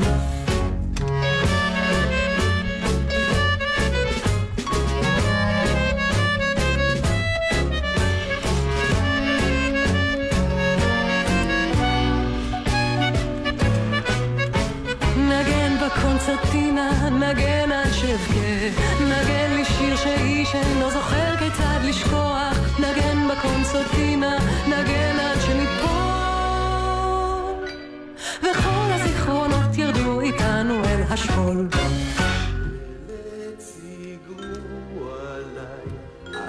תחזרו אליי, קחו את השמש, כבו את האור.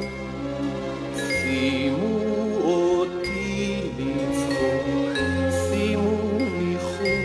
לחוק, יום וגם לילה, השליכו לבור. ובכלל נחשבו חיי, הייתי שואל אולי, אך כל התשובות הן ביד אלוהי.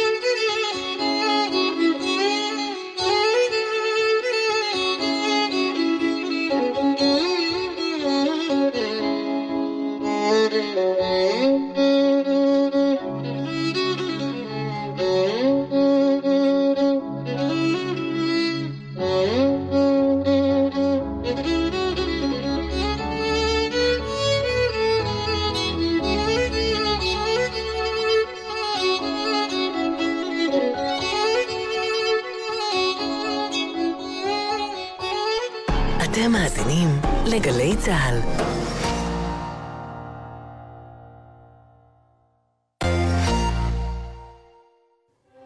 בקולם, שיתוף פעולה מיוחד של גלי צה"ל ויד ושם, חיילי גלי צה"ל בשיחה אישית עם ניצולי שואה. אף אחד לא האמין שאני נשארתי בחיים. בלה הקטנה, הרזה, החולנית, ניצחתי את היטלר. זה הניצחון שלי. בקולם, חיילים וניצולי שואה במפגש בין-דורי. מיד, יום הזיכרון לשואה ולגבורה בגלי צה"ל. יום הזיכרון לשואה ולגבורה תשע"ח. מיד אחרי החדשות, ליאור פרידמן וגוני כהן.